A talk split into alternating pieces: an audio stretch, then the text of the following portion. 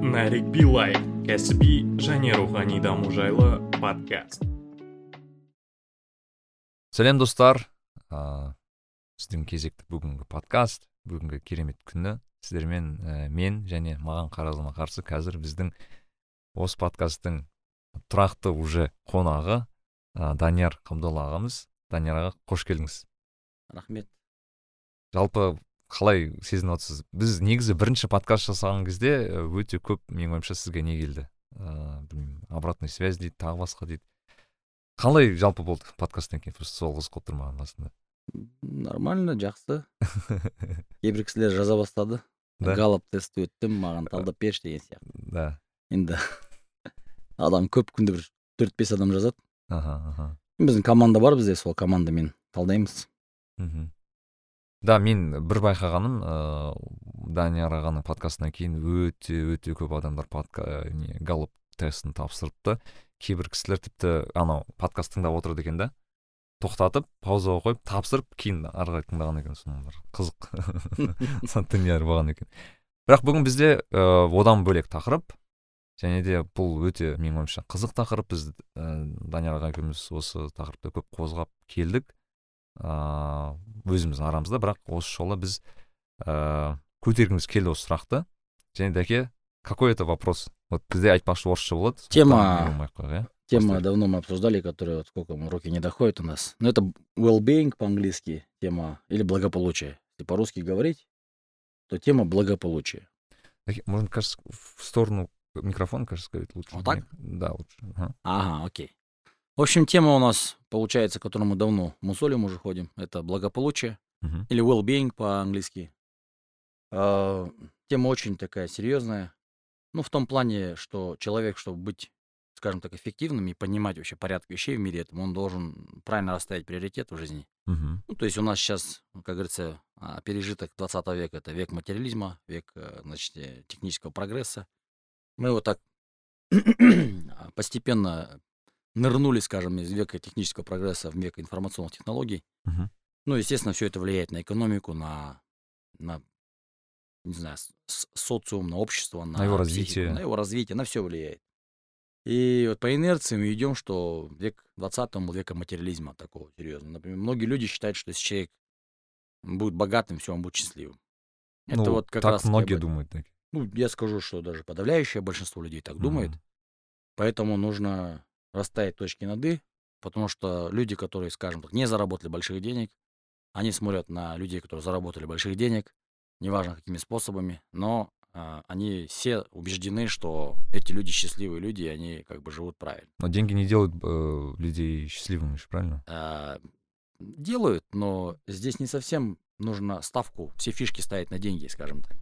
То есть на финансовое благополучие. Вот об Мгм. этом и речь у нас сегодня. да То есть у нас есть пять составляющих благополучия. Да. Вот о ней мы хотим поговорить. Мы сегодня, Даке тут, я просто, тут видео нет, но Даке сегодня очень сильно подготовился. Да, и мы будем переводить, кажется, это из книги, да? Э, Эта книга тоже галлоповская, Ага. а, института Галлопа. Это Well-being называется книга. Ну, как бы информация взята оттуда. Да, Года два Даке недавно в, Инстаграме выкладывал, но от некоторые, некоторые Это другая, это э, Well-being at Work. А, это на То есть это работе, да? новая книга, она вышла буквально в мае, вот месяце. Мы ее А. сразу же купили, командой читаем. Вот это, опять же, не я готовил да, эти материалы. Ну, здесь э, просто... Да. э, Как Я бы- правильно понимаю, Даке, вот начнем даже вот со слова well-being, потому что слово well-being, вот на английском же, э, насколько правильно переве- переводить как благополучие? Ну, well это хорошо, а being это быть. Да. То есть надо... Нормально, да, получается перевод? Ну, в принципе, конечно, то есть да, мысль? благостно получилось, да, Да, скажем так. ага, ага. Поэтому перевод лучше не найдешь, наверное. уже. Не, ну просто такой вопрос. Даже слово благополучие для меня, то есть не сильно понятно, что значит, то есть это счастье, это э, что мы имеем в виду под этим? я имею в виду? Ну, благополучие это когда все получается как бы благостно, без проблем. М, Вот, Короче, есть когда все идет просто как, как по быть. маслу. Как по маслу. Мгм. Все, окей, отлично. Так что говорят наши ребята из А, Галпа? ну вот, значит, команда подготовила документы. Э, Как документ? Презентация. Я э, тоже хотел спасибо им сказать. А, Поэтому мы как бы, ну, чуть подготовленные приходим. Да. Вот. Ну, если начать говорить о благополучии человека, то нужно разбить. Институт Галлопа, он, опять же таки, много исследований проводит. Вот этот тест Clifton Strengths 34, он помогает определить а, таланты человека, скажем. О нем мы говорили в прошлый раз. А, но есть другая еще часть, которая вот составляющая, которая человека делает благополучным. Не просто там таланты, да. Талант определить это, скажем так, часть работы любого человека. Потом нужно эти таланты развивать. И вот их нужно, опять же, вплетать в свою работу, а, значит, свою карьеру, да, в свою там личную жизнь, социальную жизнь и прочее, прочее. И вот э, Институт Галлопа, он, в принципе, проводит опросы об уровне счастья. Уже еще с 50-х, на 60-х годов в Америке и в мире сейчас проводит, он много стран. Больше 100 стран он уровень счастья замеряет. Например, вот в, в СНГ, в странах СНГ, самая счастливая страна оказалась Узбекистан. Оу. Хотя у нее ВВП на душу населения, ну, далеко не в первой пятерке, правильно же? А по миру кто? По миру, по-моему, если не ошибаюсь. Скандинавские страны, кажется. Да, что-то или Голландия, Финля- Финляндия, кажется, нет? или Голландия, или что-то такое. Мгм. Ну вот, я Страны щас- Северной Европы, кажется, или, или вот э, Западной Европы, мне кажется, вот где-то там. наверное, ближе вот северо-западной Европы. Да, да, да. Вот, наверное, это вот Голландия, Дания, может быть, Швеция, может быть. А как они замеряли это? Просто А вот они вот как раз-таки вот это вот, э, какую-то выборку людей берут Мгм. и, значит, опрашивают. И вот они пытаются установить каждый из, состо- каждый компонент из составляющих well-being вот этого, благополучия. Вот.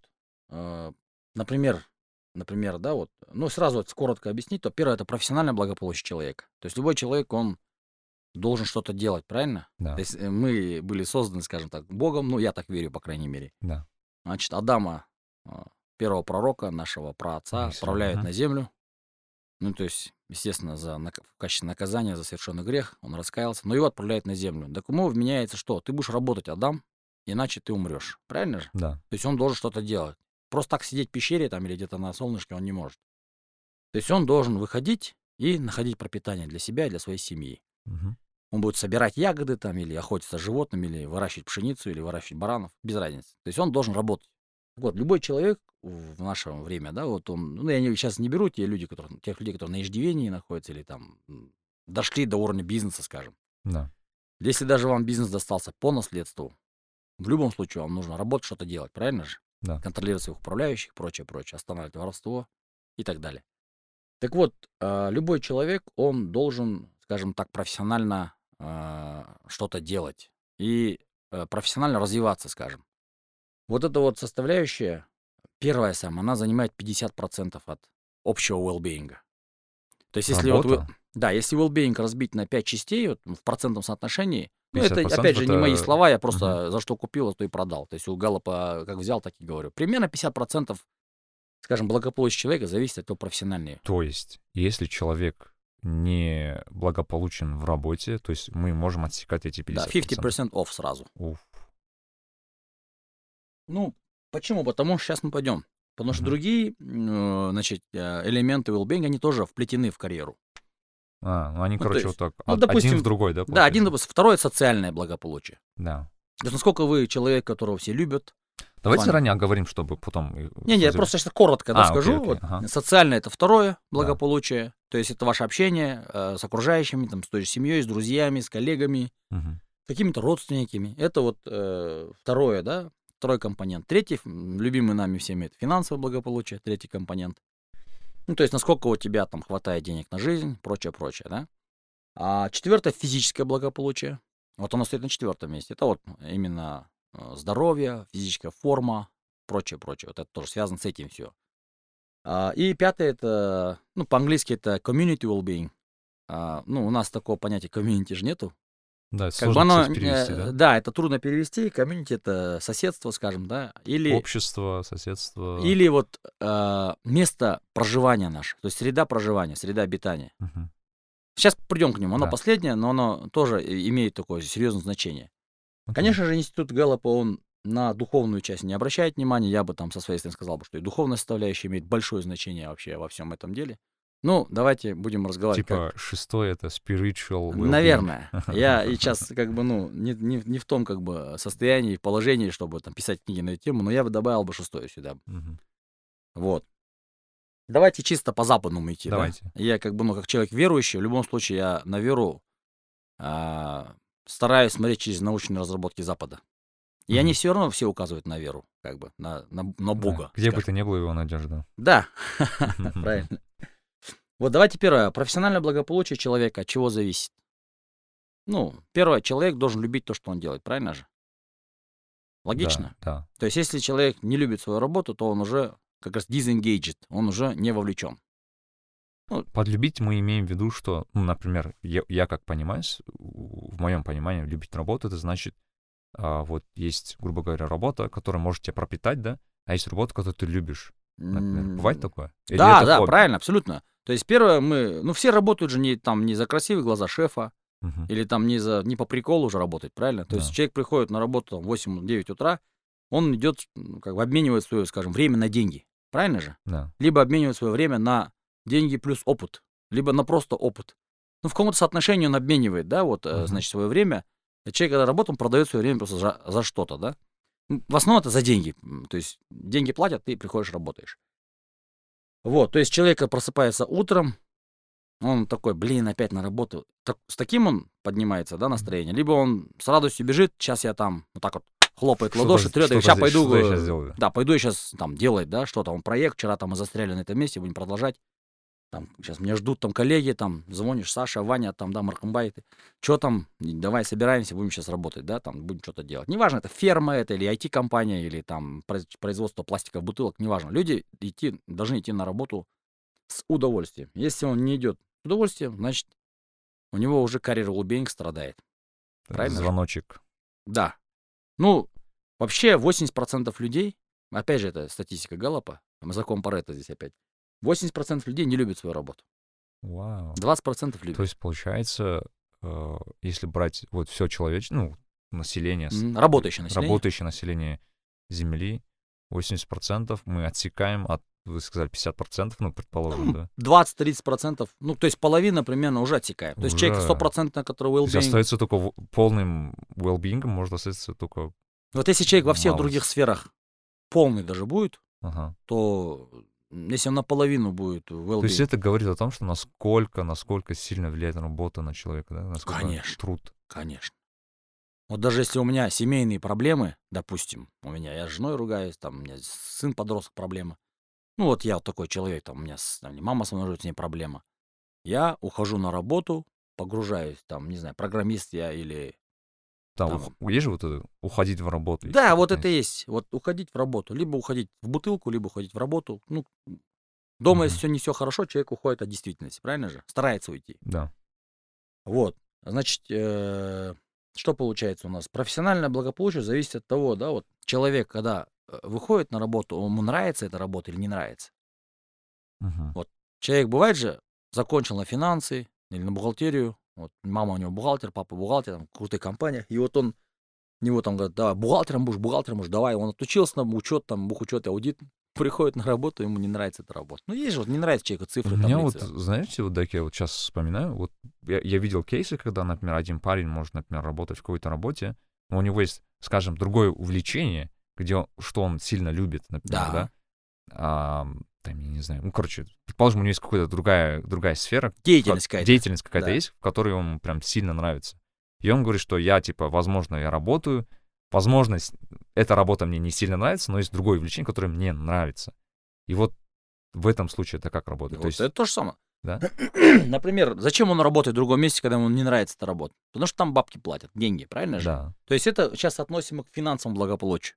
То есть он свое финансовое благополучие за счет работы в нелюбимом месте покрывает, правильно же? Мгм. А делает он дома хобби, там вот, подкаст он записывает там или строгает там, не знаю, На барабанах играет, я не знаю. Да, или деревянных птичек строгает там, ну, Мгм. он их продает, может, по 100 долларов за штуку, правильно же? И расписывает, как яйца по бирже. Может быть Мгм, такое же? мгм. То есть вот человек может там заниматься, не знаю, там, да чем угодно. Вот. Даже вот, например, Лев Толстой, он любил пахать землю. Писатель был, ну, величайший там писатель Да. э, конца там 20 века, 19 начала 20 века. Но он любил просто вот в поле пойти пахать. Уинстон, Чер- Уинстон Черчилль, например, любил кирпичную кладку делать, хотя был премьер-министр. То есть у него в неделю там какое-то время шел 2-3 часа, просто кирпичи клал. Ну, то есть, как бы, ну, это хобби. Знаете, вот в Америке сейчас вспоминаю, вот, наверное, не совсем хороший, наверное, пример, но есть, например, бойцы UFC, вот в этом в Америке, где вот борцы Мгм. и так далее. Там есть, короче, такие бойцы, которые там в обычной жизни, например, пожарниками работают. Ну вот. Ну вот человек не, туда пошел работать, по идее, на самом деле. Вот что, что помешало ему, допустим, выбрать э, профессию, которую он не любит? Как раз таки вот это вот, ну, мама, папа обычно там, не знаю, шахтер или там металлурги или там бухгалтера, они сыну, как говорится, пророчат то же самое будущее. Если у них там знаний особо нет и сознание там не такой высокий уровень, они говорят, вот, иди вон туда, вот, да. И он просто, как бы, ты, потому что подросток, он не знает, что он хочет. Любого 15-20-летнего человека остановить и сказать, вот кем ты хочешь быть, да? Он задумается. Блин, я не знаю. Блин, блин, короче, не знаю. Почему? Потому что, ну, нету вот э, какой-то там профориентации, скажем, никто не направляет, да? Это проблема. Проблема не только у нас, это во всем мире проблема. Да. Если мы от Галлоп получаем статистику, что во всем мире 80% людей disengaged, они находятся не на своем рабочем месте, то, значит, проблема не только у нас. У нас как бы, ну, так же, как и везде. Будь это Монголия, будь то Буркина-Фасо, везде проблема там трудоустройства. Ну, то есть человек неправильно выбирает профессию себе. Мгм. Вот. То есть вот это вот такая basic, да, самая основная проблема, когда человек идет туда, куда он, в принципе, ну, чем не хочет заниматься. Но просто за это деньги платят, он уже какой-то путь прошел уже, он университет закончил, например, да, колледж закончил, там, пять лет отработал. Бывают люди, которые в 30 там приходят, блин, не мое это. Я Вот там- что это вот такое? У меня был такой случай. Ну, не у меня, у одного знакомого. Он в 32 это понял. Ну, это вот э, в 20 лет, скажем, мозг, он зеленый еще, как вот неспелый фрукт. Вот сейчас яблоко, которое начало расти, оно кислое, его же не- нет смысла есть, правильно? Ну да. То есть оно кислое. То есть оно через какое-то время созреет, пожелтеет, покраснеет, его может отдать, оно сладкое. То же самое мозг человека. Он в 20 лет не способен, 15, 20, даже, даже до 25 лет, он вообще не способен принимать такие сложные комплексные решения, которые учитывают Даже в там все- 25? Даже в 25. Ну, поверь Ну. мне. Ну, я не знаю, я просто читал несколько книг про мозг. Мгм. Это давно было уже. Я тогда еще это увидел, что мозг, он как орех, он как зреет, да? И там примерно вот в этом возрасте 32, 33 где-то начинают появляться такие вот нотки благоразумия. Да зачем вообще это делать? Вот кризис среднего возраста откуда возникает? 35-36 он начинается примерно. Даже 34-35 начинается он у умных людей. Таких, которые интеллект такой повышенный. Обычно у среднестатистического человека кризис среднего возраста, он где-то 38, 39, в 40 лет бывает. М. И люди начинают, понимают, что они вот свои детские мечты, они их не догонят просто. Ну, то есть то, что, о, чем, о чем они в детстве мечтали там добиться, они просто не добьются этого. И уже, когда мозг это То есть это понимает, правильно, когда он осознает да, это именно? конечно. То есть 32, если он поменяет свою там, род деятельности, профессию, он, в принципе, ну, он старый опыт использует, например, менеджерский или какой-то, Но он знаю, начинает с нуля в, в итоге. практически с нуля. Но лучше в 32 начать с нуля, чем в 40 понять, что тебе это не нравится, и просто уже приходить на работу, просто чтобы деньги заработать. Это тоже, ну, я же Ну, говорю это опять, требует смелости, да, так, с одной стороны? Да, там опять же, потом уже тест у CliftonStrengths, в простонародье, тест, Gallup тест. По нему же, опять же, есть люди терпеливые, есть люди нетерпеливые. Есть люди, у которых дисциплина сильная, они, например, отключают это вот. Intellection, допустим, слабый, а люди не- ну, не размышляют. Он, ладно, говорит, надо просто идти работать. У него там дисциплина в топе, он идет на работу, и он не нравится, она ему не нравится, он просто вот ее сидит, Но за 10 счет до 6 своей дел. дисциплины он только... Да, он делает. Он выжил. делает, он не Мгм. стал там выдающимся там, кем бы он ни был. То есть, если он занимается там литейщиком, да, льет или там, за, или там токарь э, детали вытачивает на станке, он не становится там, шестым разрядом, скажем, суперменом, да, которого вот всё вслепую может запчасти вытащить любые. Это же тоже требует такого Ну навыка. да. Ну, он становится пятым разрядом, все. И он просто приходит, там, Михалыч, что, да, я сделал, вот, на, запчасть, сколько за смену сделал? 60 штук сделал, 60 штук сделал. План выполнил, иди домой. Все. Но 80-100 штук он не делает, потому что ему это неинтересно. Он в Да. это время думает, там, как бы о рыбалке, может быть, или о том, что он ст- строгает, там, птичек де- деревянных, да, хобби свое. Быстрее пойти домой и заняться хобби. Так что очень важно, очень важно, когда человек а, занимается тем, что ему нравится. Как раз-таки вот этот тест Галлопа, который, о котором мы говорили, он помогает а, выбрать направление. И вот, э, например, сфера деятельности разные же бывают же. Мгм. Возьмем даже ту же тему, там, сферу строительства. Там есть очень разные там а, задачи.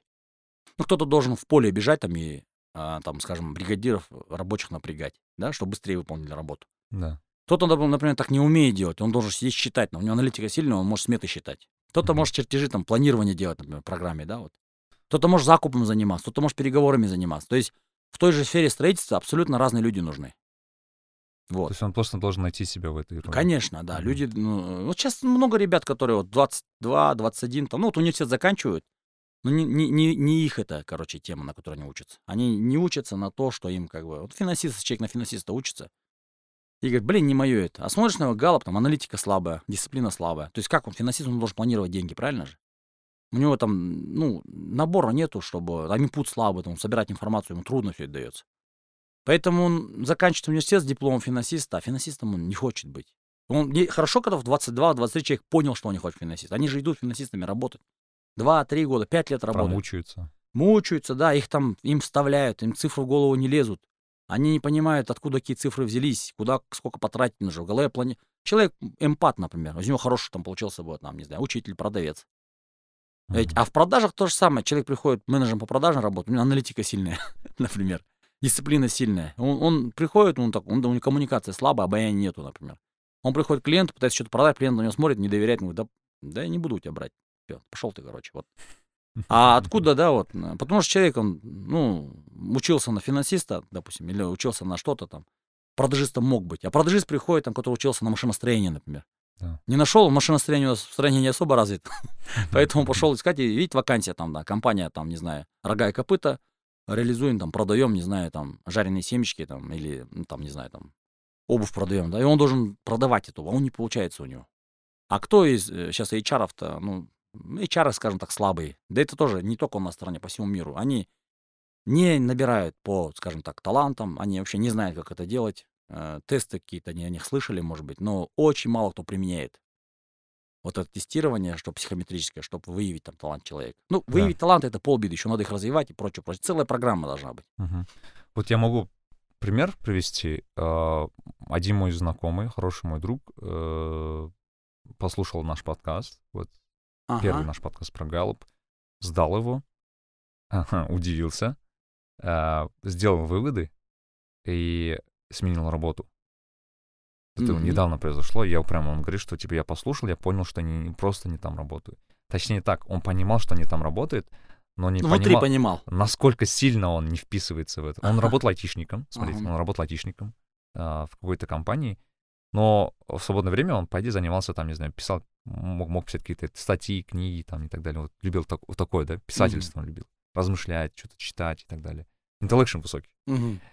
И он просто устроился в одну в одно место, где он может эти применять, он может там помогать по аналитику делать, там читать, у него работа такая стала. Я угадаю, они искали такого человека, да, наверное? Скорее всего. Ну, я просто к тому, что он, он, он такое слово сказал, он говорит, я понимаю, что я меньше заработаю. Но это не важно, говорит, уже. Вот. Это вот как раз-таки well-being. Да, он просто говорит, есть он это, 8 это часов на уже работе. не важно, сколько я зарабатываю. Он 8 часов на работе. Вот сейчас мы придем, почему ему достаточно тех денег, на которые он согласился работать. Мы сейчас туда придем, это третья Мгм. тема, третий раздел. Классно, классно. Просто это все нужно связывать. Давайте вывод сделаем, да, то есть если э, вы работаете на работе, и вы понимаете, что это не ваше, вы сдали там, предположим, Gallup тест тот же, либо вы просто внутренне понимаете, что это не ваше, вы просто не кайфуете, грубо говоря, от своей работы, Мгм. никогда не поздно его поменять, правильно? Да. Даже в 50 можно Даже поменять. 50.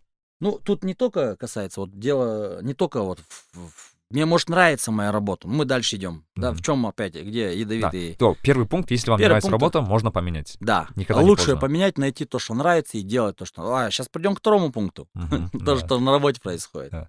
Окей, Вот. ага. Человек на работе может расти или нет? Ну, если, если его, мне кажется, да. То есть вот человек, он любой человек хочет расти. В принципе, он заложено, там, вот, э, заложено желание расти, да? Да. И человек, если на рабочем месте, ну, скажем так, техничка, она не вырастет. Там, в принципе, максимум, что она может сделать? Просто я знаю техничек, которые добирались там, да, скажем, до администраторов.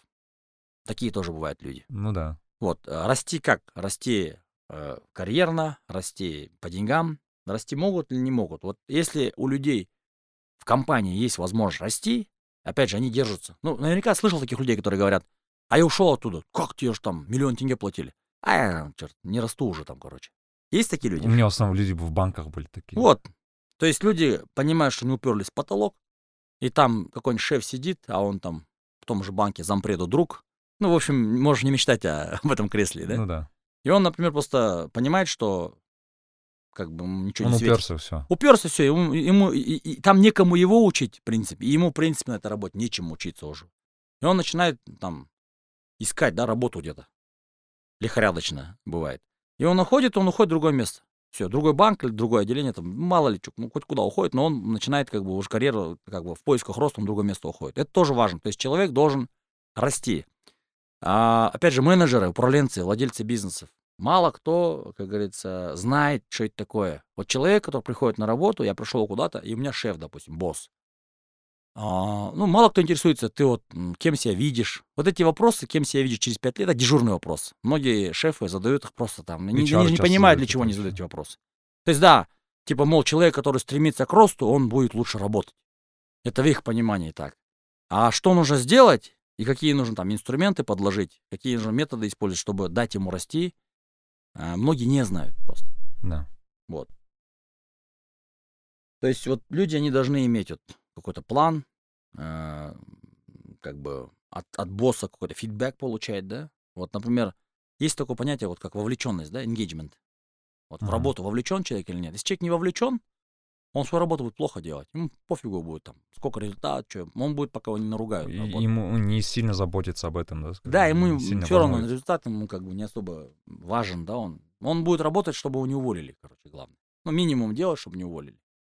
Вот тут вот такая статистика, да, когда а, босс игнорирует полностью, игнорирует своего там работника. Ну, то есть вот он ему приходит, он, он его ничего ни о чем не спрашивает, он просто вот мимо приходит и все. Здрасте, здрасте. Да. Этот работник вовлечен на 60%. То есть на 40% он не вовлечен. То есть 60% всего он вовлечен в работу. То есть он приходит, там какие-то задачи у него есть, он их делает, все, вечером стоит, уходит. У него никто не спрашивает, что случилось, почему так. Вот просто вот человек отработал, ушел. Он на 60% всего вовлечен. То есть, грубо говоря, он на 60% только эффективен. Да. Второе, второй тип работника, второй тип босса. Босс, который наезжает на своих сотрудников, там, ну, как бы, только на weaknesses, да, на слабые стороны обращает внимание. То есть он не говорит ему, там, ты молодец, ты сделал, давай вперед, что вот это сделай, а вот так делай. Он ему говорит, вот ты дурак, ты вот это не сделал, ты зачем так э, плохо сделал, вот это неправильно сделал. И обращает внимание на, на ошибки, на слабые стороны. Такой Ага. человек будет вовлечен на 78%. О, На 22% у него будет невовлеченность. Ну, как бы лучше, чем... То есть игнорировать вообще плохо человек. Так вот, и третий тип, когда э, босс или шеф, он упор делает на сильные стороны. Он Да. говорит, молодец, у тебя вот это сильно, вперед, давай там. Ты умеешь писать тексты, да, пиши тексты.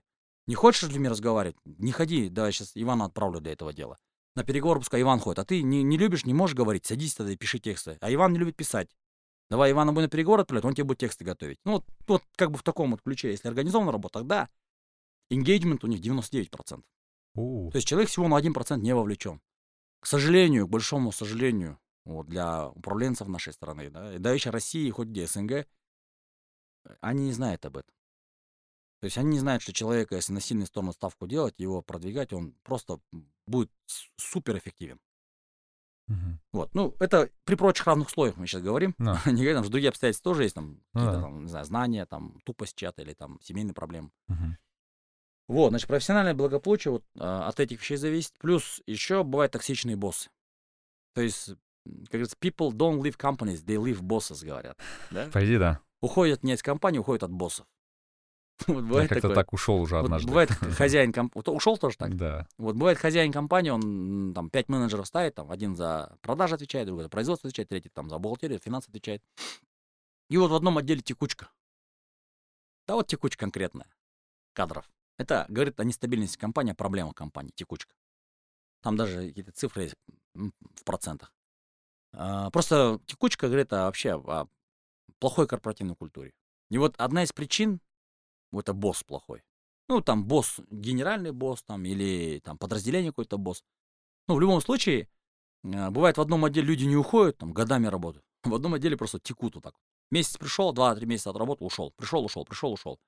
И вот этот хозяин компании, он, например, или там генеральный, он не понимает, что проблема вот в этом боссе. Значит, у него, у него уверен там на 90%, что у этого человека, и, ну, там, если не один-два человека работают, а 10-15 человек работают минимум, то у этого человека проблемы в его отделе. Ошибок много совершается, много там, что вовремя не делается и прочее. кто есть а, токсичный босс, он проблема для компании. И вот для человека тоже проблема. Если человек даже работу свою любит, бывает человек любит работу, но босс плохой. У него постоянно вот стресс и уровень кортизола в крови, скажем, Мгм. гормона стресса. Вот, ну вот это вот именно. Такая, да, вещь, по идее, что я заметил, чем выше вот есть компания, да, вот есть иерархия, да, вот этих позиций, да, разных. Если проблема а, в каком-то кадре а, иерархии выше, то и проблемы тоже большие, на самом деле, нет? То есть, то есть предположим, вот есть конкретный работник, ну, на, на, на, скажем, не, не сильно высоких уровнях, Да, его более-менее можно поменять. да, да. А вот в шефа, там, который там очень- Конечно, если ты его поменяешь, очень там, сильно он поменять. допустим, 2-3 года работы, он все знает, что было, какие проблемы там с налогой, какие проблемы там с банками, кредитная проблема, там, не знаю, проблема с экологией, ну, и смотря что, да, там. И кто уволился, кто там, не знаю, на компанию пожаловался, кто в суд подал, он же все знает, директор нового приходит, ему приходит все это, перед- там очень много дел. То есть, скажем так, разнорабочего поменять легко. Да. Ты сегодня копал до сегодняшнего, да, то ты пришел новый, оттуда копай дальше. Да. Там ничего не надо объяснять, просто иди делай. Тоже бухгалтерия тоже. Простой рядовой бухгалтер пришел, он сел, ты ему говоришь, вот до суда вот у нас документ есть, до суда вот не хватает. Вот тому позвони, у этого счет фактуру собери, у этого накладные собери, это отдай туда. Ну, как бы все проще. Но когда меняется кто-то из руководящей позиции, то это проблема. Поэтому часто хозяева как бы, бизнесов, они вот смотрят, вроде управляющие, не очень хорошие, а другого нету просто. На рынке проблема с кадрами. Ну, Вот проблема со специалистами, еще больше проблема с кадрами. То есть э, люди некомпетентны выполнять свою работу. В большинстве. ну, любой человек под- поднимается до уровня своей некомпетентности. Да. Вот. А почему они не развиваются? Потому что не вовлечены в работу, В правильно? том числе, да. То есть бывает человек хороший инженер, ну, не знаю, металлург, и он растет, растет, допустим, доходит до начальника цеха. А начальник цеха это уже не инженерская мэн- работа, это это, управленческая менеджер- работа. это Конечно, менеджерская. он должен, м, не знаю, понимать людей, он должен оценивать ситуацию, атм- атмосферу в коллективе, Это настрой. как ему нужны совсем другие скиллсеты, да, скажем? Правильно. этом. Совсем другие скиллсы нужны.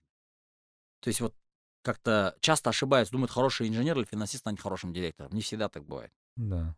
Потом они опять даунгрейд, они говорят, да, я, ну, эту работу нафиг, я пойду опять, пойду лучше просто У инженером. нас бывали случаи, вот просто я знаю по своей профессиональной деятельности, что, например, программист очень хороший, он любит свою работу, его ставят, скажем, на уже такую более менеджерскую позицию. Это не его, он любит кодить. Мгм. И все. То есть, Ну, так и надо. вот. и- Человек может стать специалистом, таким кодером, который будет делать очень сложные задачи, правильно? Да. Который там вчерашний выпускник, скажем, университета, там, вуза технического, IT, Мгм, да, он не да. не, не знает, как задачу решить. Да. Вот, он может такой быть нелюдимый, неразговорчивый, сам себе на уме, но он, когда за клави- на клавиатуру садится, он там, делает в 10 Он раз в другом быстрее. мире живет. Да, он в другом мире живет. Такому человеку управленческую позицию, когда даешь, он начинает нервничать. Но что у него там убедить не может, понять не может, почему человек это не работает. Это же совсем другие навыки. То есть управленческие скиллы это вообще другие навыки. Еще знаете, какая проблема, если у нас иногда бывает э, байс какой-то есть в сторону, Предрассудки. к сторону, например, берут какую-то IT-компанию в Штатах, говорят, вот Илон Маск возьмем, Мгм. да, Илон Маск же, это известный факт, что у него коммуникации там, ну, мягко скажем так себе, да, он типа Мгм. гик. Да. И все говорят, вот он гик, он крутую компанию построил. Я говорю, да, но ты же не знаешь, кто у него в команде. Хм. Там Да. явно есть чувак, явно есть чувак, который у него Не, у него лучшие люди. Да, то ракету есть- запустил. О чем мы говорим? Это Да, то есть к тому, что типа у него есть люди, которые делают вот эту его не хватающие вот эти Вот скиллы. Джек Ма сказал то же самое. Очень люблю эту фразу. Говорит, My job is to find smart people and make them work together. Because a stupid people can always work together. But smart people can never work together. А, Ну, то есть, э, умные люди, они же, ну, выпендриваются, они себе что-то строят. Я там большой Короче, четверки. это сложные личности, Да, скажем. закончил Гарвард, учил, четверки работал, Маккензи работал, короче, я там в Шлюмберже работал, я крутой, короче. И такой же сидит напротив чувак. Он такой же. Он тоже такой же не менее крутой Ага. чувак. И он говорит, да мне твой Шлюмберже, знаешь, я в Халибертоне работал, я в Шевроне работал. И вот они начинают байговать. Да, это вот книга «Лидеры племя» очень хорошо отражает вот суть вот этой проблемы. Это люди третьего уровня. Они не могут сработаться. И вот Джек Ма и вот такие, как Одно дело, если ты наберешь лучших, другое дело, сможешь ли ты... Конечно. Ну и люди платят миллионы своим сотрудникам, садят за начальника, они не могут сработать. Тупо не может отдел там снабжения с отделом бухгалтерии сработать. У них война идет на документах. Из-за точки не принимает, допустим, какие-то документы, не отпускает товар, потому что там не выписали что-то. Хотя страдает производство. Ну, это вот такие вот проблемы, которые должен решать руководитель. Мгм, мгм. И Джек Ма, скажем, тот же самый, Илон Маск, это те люди, которые как раз-таки смогли своей харизмой, своей там, коммуникацией, своей эмпатией смогли а, сделать так, чтобы эти люди сотрудничали. Это когда умы лучше сотрудничать, они вот они становятся такими, как Алибаба и Амазоном. То есть молодежь, многие хотят Цукербергом стать. Это миф Цукерберга, да, называю его. То есть... Это ошибка, ошибка выжившего же, правильно? Да, это ошибка выжившего. Если по Талебу говорить, то на одного Цукерберга там, миллион не Цукербергов, правильно? Да, ошибка выжившего — это когда, по идее, это должно было быть fail, но это да. каким-то образом не стал fail. То есть Да. это больше исключение. исключение. Это случайность. Да, это случайность. Да, Да. больше. Ага. Вот, а, Что, подаль- что у нас дальше по, вот по, гал- по- по- по профессиональному уэлбингу, да, вот резюмируем, человек, он должен... Лучшее место работы, это когда ты приходишь на работу, с радостью встаешь и говоришь, о, уже на работу, хорошо, да, классно, вот позавтрак быстро на работу спешишь, да? Садишься на рабочее место, там твои друзья, коллеги, все, а, классно, коллектив хороший, коллектив тебя любит, ты коллектив любишь. Босс приходит такой, говорит, что там, джигаттер, да, не стимис буган, да? Да. Или женщина, там, босс, неважно кто там, да, кыздар, там, не стимис, да? И вот все, у них настроение, он поднял настроение, давайте, давайте, у нас сегодня такая цель-то. И вот ты, ты садишься и как в состояние потока входишь, ты знаешь, что ты будешь делать, тебе нравится, что ты делаешь, и ты вот все, уходишь в работу. Ты вот до вечера можешь не заметить, как время пролетело. Бывает же такая работа? Да. Бывает. То есть, ну, а, у него уже 6, что ли, елки-палки, домой надо идти. И ты такой, сейчас я добью еще, до 7 сидишь, на- до 8. Есть люди, которые до 8, до 9 на работе остаются. Есть такие же? Я был из них. В общем, когда нравится работа, когда хороший босс, когда любишь, что ты делаешь, когда ты видишь результат своего труда, это как раз таки карьера wellbeing, все. 50% у тебя заполнено, можно Да. сказать. Окей. Нарик Билай. Следующий, получается. Переходим следующий на social well-being. Да. То есть социальное благополучие — это наше благополучие, связано с нашим окружением. Ну, начнем так, что семьи, если женатый человек, то жена, э, там, муж, В принципе, дети. человек — это только социальное животное, скажем так. Ну, вот это слово. животное. Про человека нельзя говорить. Ну, в смысле, Это живое филос- существо. европейская философия, говорит, что человек животное. Да. Прямоходячее. Не, я говорю вот эту фразу. Или Маркс, Ой. Маркс говорит, там, борющееся животное. Э, Сократ говорит, там, думающее животное. Да. Ну ладно, пускай будет животное социальное. Вот, кстати, это тоже тот из философов сказал, что человек социальное животное. А человек даже социальное, в кавычках, животное, он а, должен всегда с кем-то взаимодействовать. Даже самый интроверт, самый-самый интроверт, он, а, ну, все-таки хочет с кем-то взаимодействовать. там, с мамой, с папой, там, с братом, с братом, каким-то лучшим другом. одним. Даже интроверты, они имеют все равно минимум людей в своем окружении. Ну, вот есть такие люди вот в Японии, хикикамори. Это люди, которые вот, а, живут в полной социальной изоляции. Ну, У них только вот мама, папа, брат, все там дома. Они вот в отдельной комнате живут, на улицу стараются не выходить. Ну, это уже такая болезнь, да, скажем. Но в целом любой человек, он хочет, а, если экстраверт, он вообще хочет там с многим количеством людей общаться. Там в кафе, в ресторан, все время на людях быть. Вот есть Да. люди, спрашиваешь, ты вот можешь один 500 километров поехать? Я, говорит, не могу так поехать. Я с собой обязательно кого-то возьму. Это я. Вот, например. Вчера тоже с одним парнем разговаривали, я не могу говорит, один ехать. Я не могу, например, один путешествовать тоже. Ну вот, Очень сложно. Это вот человек, вот теперь, теперь, да, идем к, э, что такое социальное, да, благополучие. Когда а, человеку есть, э, ну, как бы, он общается, там, скажем, социальное благополучие, это когда человек поддерживает тесную связь, там, с определенным количеством людей. А, и он минимум 6 часов общается в день. Общение это не только там посидели, пообщались, да, это переписка, там, скажем, в WhatsApp, там, какие-то То есть онлайн и оффлайн. Онлайн, оффлайн, переписка, телефонный разговор, а, потом общение с коллегами. Вот мы сидим за разными столами, я там спрашиваю, там, да, там, не знаю, Ержан, что там сегодня сделали? Он скажет, вот это сделали, ага. А что думаешь, вот это вот? И мы сидим там минут 15-20 проблем обсуждаем какую-то, например. Это тоже общение. Ержан ко мне благо, как благожелательно настроен, мы с ним обмениваемся. Ну, И он как бы мне, мой, мой social well-being создает, скажем. Да. Человек, который 6 часов в день общается, это работа, родственники, семья, все включая. Он счастливый человек. Но есть качество общения. То есть, Одно, если я- одно дело количество. Да, количество еще и качество. То есть, я 6 часов меня только ругают, я только ругаюсь, то это явно не, не, не качественное общение. Это не точно не, не social well-being. Как бы. Мгм. Вот. а, Значит, эти люди, они подбадривают, поощряют, сочувствуют, помогают, подсказывают, прочее, прочее. Если вы окружены такими людьми, и вы 6 часов в день, общ- у вас такое общение, не токсичное, то у вас пф, сразу social well-being там сразу, To the moon. ну, 15, наверное, 20% занимает social well-being. Да. Вот, а у человека в жизни вообще. А, И как бы опять же таки, почему она упирается в карьерное? если, опять же, хорошее место, где ты работаешь, то там 2-3 часа из, из этого времени покрывает именно коллеги. Коллеги, босс, вот По сути, вот. коллеги — это люди, с которыми ты больше общаешься, даже чем, чем с семьей, правильно? Бывает такое, да. Бывает такое, да. Ты работаешь 8 часов в день, взаимодействуешь очень много, ну, Да, у тебя с да. коллегами, да, но дома ты меньше проводишь время, на самом деле. если Да, если управленческая позиция, обычно в подчинении люди есть, у них- они больше разговаривают. Если такая больше, м, как айтишник проработал с компьютером, то, да, конечно, меньше общения. Но есть вот, если ты работаешь директором, там, не знаю, управленцем, то там только и общение в Да, основном. это вся день. работа. Ну, 60%, 70% работы — это общение. То есть если из 8 часов 6 часов нам вычленить, то 5 Кстати, многие думают, что вот работа я вот айтишник, многие думают, что айтишник — это работа, где ты просто сидишь, не общаешься. Это 60% моих, вот, моего календаря Конечно. — это митинги. Это же надо же разговаривать, спрашивать, там где-то обсуждать, как сделаем то, а у вас типа подошло, вы проверили, вы попробовали, правильно же? Да. Работать, не работать, в чем проблема, давайте обсудим. Ну и как в любом бизнесе, это в любом деле, это же тоже общение, оно очень важно. Потому что обсуждают какие-то проблемы и задачи, правильно же? Да. Вот. Э, Вот здесь э, именно э, соседи хорош тоже влияет. Когда сосед плохой, да, вот даже наша Вера нам говорит, что э, я ничего не видел там, да, хуже, чем плохой сосед. Правильно же? Когда Мгм. ты выходишь с подъезда, он выходит, там, если или дом- дома частные, выходишь, ну, он за забором стоит, даже не здоровается. Тебе сразу...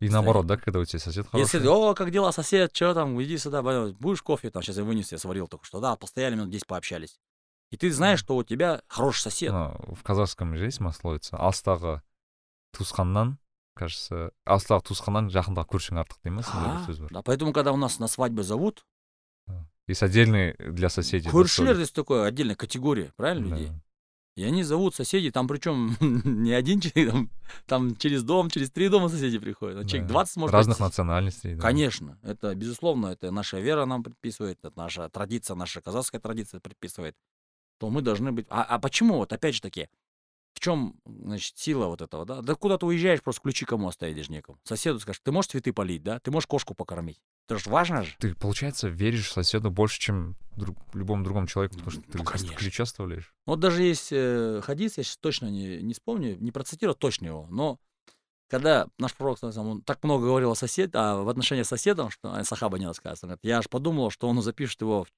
в число людей, которые должны получать наследство наследство Да, при да, да, разделе. да, точно. То есть настолько важно, да, быть хорошим. Говорят же бізде қазақ айтады ғой тоже, үй емес көріш таңда деген. Да. Я просто вспомнил, вот у меня есть один родственник, у него там, грубо говоря, сын женился, он живет в квартире. Ну, соответственно, квартира не сильно большая, а людей много. И сосед сказал, да сделай у меня. Я тебя паришься?» постелю, да? Да. Приходите. Вот есть, да, пример, да? Да, это э, очень хорошо. Бывает реально соседи родственники. Ну, я, не знаю, я в детстве как бы, ну, видел там соседей очень хороших, очень хороших. Вот, значит, э, социальное благополучие, оно складывается из вот вашего окружения. То есть вы, опять же таки, вы должны выбирать себе людей, друзей. Вот, кстати, вот, Даке, вот это хочу немножко обсудить. Смотрите, многие, ну, не ладно, не буду говорить многие, но просто есть люди, которые думают, что э, окружение, оно просто там само, сам- само так приходит. Например, ты общаешься, ты Да. за- ты, смотрите, Она вот, случайно формируется. да, вот по Мгм. сути, смотрите, вот э, до университета у нас же она так и случается. То есть, смотрите, мы учимся в садике, если ты мелкий, там Школа. пот- потом школа 11 лет, университет, и по сути это все этих людей, ко- одногруппников, одноклассников, ты не выбираешь, Да, по идее. да. Они просто вот так. Случайно, Случайно оказываются получается. рядом, да. А после, когда ты работаешь, ты по сути можешь выбирать. Ну вот, есть понятие привязанности. То Да. есть бывает, ты, вот, говоришь, я с ним с 11 класса, там, с 5 класса вместе, да? Да. То есть человек, ты как бы пошел по путем, там, не знаю, развития, а он там пьет, например, бухает, да, например. И сложно, да, уже там Ну, через конечно. несколько лет. А потом они говорят, он зазнался. Дорогой, это не я зазнался, это ты отстал от жизни. То есть я опять же Есть ничего не хочу сказать, это же его выбор. То есть он, если бухает, там, скажем, и не работает, то это, опять же, его выбор. Я ему, допустим, пытался его вытянуть, сказать, ты не пей, давай работу стройся, делай то. Ну, советки дал, ну, не Это- хочет это человек. смешно у меня, потому что я вот недавно вспомнил 10 лет, как я закончил школу. И я раньше думал, что вот я закончу школу, мы соберемся, вот он жылдық, все такое. Ничего подобного. Ну, одноклассники настолько разные уже. Надо всё. отпускать, когда слишком разные. Вот Вот я и говорю. хорошие стихи есть, э, все важные фразы должны быть тихими. Там одна из фраз, надо отпуск- отпускать, когда слишком разные. Вот, потому что, ну, э, ну вот, например, я не пью, допустим, кто-то пьет. пойдем соберемся. Собирались. Они там пиво заказали, водку, там, пьяные сидят, допустим. Мне это неинтересно. Я, ну, как мне неприятна эта атмосфера. А, допустим, он один пьет, э, мы не пьем, собрались там пять человек. Ему будет. О, Ему уже- хочется, да, как говорится, у него там внутри все горит, да. А мы не пьем. А мы пришли в место, где не пьют, вообще нет алкоголя. Он там. Ему, ну ладно, он посидит с нами тогда, он свою дозу не получит, скажем. Ну, он сейчас с нами пойдет. М, Ну, же неинтересно будет, да, правильно? Ну, то есть, да. как бы, ну, он сам отшелушится, он сам отвалится. Как я отваливаюсь от той компании, они отваливаются от, там, от моей компании. И вот есть, например, такие люди, вот, ну, скажем, человек вот токсичный, да, вот я, вот мой сокурсник или соклассник, там, неважно. Вот он такой, ноет, постоянно ноет, там, да, вот, на жизнь жалуется. Я вот сижу, слушаю, мне неохота это слушать, да, мне надоело это. Но я продолжаю с ним встречаться, как бы отдавать дань нашему, там, старой дружбе, старому знакомству. Мгм. То есть многие люди так делают. Зачем они это делают, мне, например, непонятно. То есть я сейчас А понимаю, что... просто для меня лично это кажется это супер важно, потому что вот, вот говорите, есть, например, токсичный человек, и Мгм. ты такой, окей, ну вот же мой одноклассник, и общаешься раз, два, три, четыре, ты начнешь так же говорить, так же мыслить, на самом деле. Это очень сильно влияет на твое Да. настроение, Конечно. как на то, как ты сам мыслишь. Если человек как-то пытается бороться, да, за жизнь, справиться, там, что-то сделать, ну, как бы у него какое-то осознание происходит, да, парадигма меняется мышление, Мгм. то тогда ладно. Но когда человек, он стейбл, да, вот, как был год назад, сейчас такой, через год такой, Это Ну, стагнация такая, да. стагнация, да, и бывает деградируют люди же еще. Это как в хадисе, вот есть мой любимый один из хадисов, пророк саллаллаху это то, что хороший друг это подо- по- подобен продавцу э, миска, да? Да, благоводие. благовоний. То есть ты можешь э, это- эти благовония не На себя использовать, не мазать. не мазать, но просто сто- э, когда ты стоишь рядом, вот Пропитаешься. пропитаешься его. Абсолютно хорош. Абсолютно Да. верно. Есть Пример. наоборот, когда, например, плохой друг, это как кузнец, кажется, если, Да. если, если я правильно Вроде ты там не ковал, а весь в саже, да? Да. Да. Согласен. Вот теперь, да, вот человек э, здравомыслящий, он должен ну, уметь отличать этих людей. Ну, вот кто-то вот умеет, кто-то не умеет отличать. Кто-то вот отдает дань этой старой дружбе, и вот каждый слушает токсичные эти разговоры. Сплетни какие-то там, высеки там какие-то, еще что-то там, да. Мгм. А, ну, он, по сути, у него копирует тоже его поведение, его ценности, и он также таким становится. Поэтому вот свое социальное окружение, то есть нужно именно формировать из здравых людей Качественно. качественных, здравых людей. Ну, здравомыслящих, да, назовем это. Да. Но, опять же, тут такая проблема. Если ты сам дурак, скажем, с тобой здравомыслящий человек не будет общаться, правильно же? Ну мы же хотим, чтобы с нами дураки Должен быть нормальным сам по себе. Конечно. То есть, если сделать градацию там э, дурак и умный между 0 и 100, если, скажем, ты на 55-й строчке, то с тобой будут общаться люди, которые примерно 50-60, да? Да. Ко- Который человек 70, ты для него не интересен, ты для него дурак будешь. Но ты не будешь общаться с теми, которые 30, потому что они для тебя дураки. Правильно же? Да. Вот поэтому вот я люблю такие вот примеры, да, когда от 1 до 100, если шкалу разбить, где ты там находишься? Сколько ты человек порядочный, честный, искренний, там, Мгм. не знаю, заботящийся о своих друзьях, там, или они тебе заботятся. И вот примерно такие люди друг друга находят. Да. Вот даже по- похожие вещи притягивают друг друга, говорят. Да. Правильно же? Да. Или рыбак рыбака видит издалека. Поэтому очень важно вот это вот. Выстраиваем правильное окружение, правильный нетворкинг. Да. Да. То есть э, вот социальное благополучие как раз таки вот правильный сосед, правильный муж, правильная жена, правильные дети, правильные коллеги. Трудно, да, все это Да. упаковать в одно, в одно, как бы. Очень Вау. много кругов. Кругов Да. очень много. Причем это разного типа люди. То есть сосед мне не коллега, правильно же? Хотя бывает сосед-коллега, но сосед, по сути, у него функция соседа. Да. У коллеги коллеги. Коллега, кстати, может быть другом. да. Правильно же? Коллега может быть братом. Но на работе он коллега. Не, вообще в целом я говорю, Да. что можно... Есть же семейный бизнес.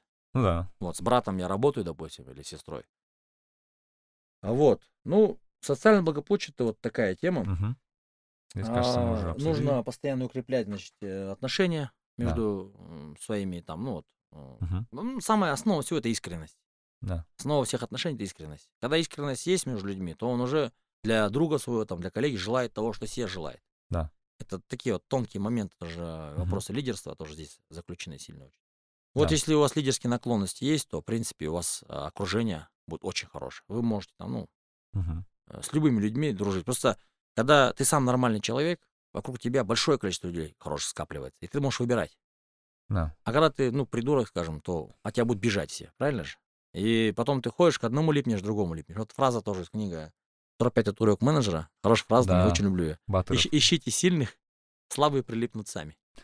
Классная книга, кстати, мне Хорошая книга. Я не знаю, Да. другие книги, там, татуировок менеджера был, что-то я не Да. читал, но вот, вот эта книга прям хорошо зашла. И вот такая фраза козырная, да? А, ищите сильных, слабые прилипнут сами. Это касается как найма на работу, набираешь сильных. И когда ты увольняешь человека, допустим, он говорит смело, я говорю, все, Не церемонится. Он не да, он, у церемонится, него не парится, он через два дня найдет работу.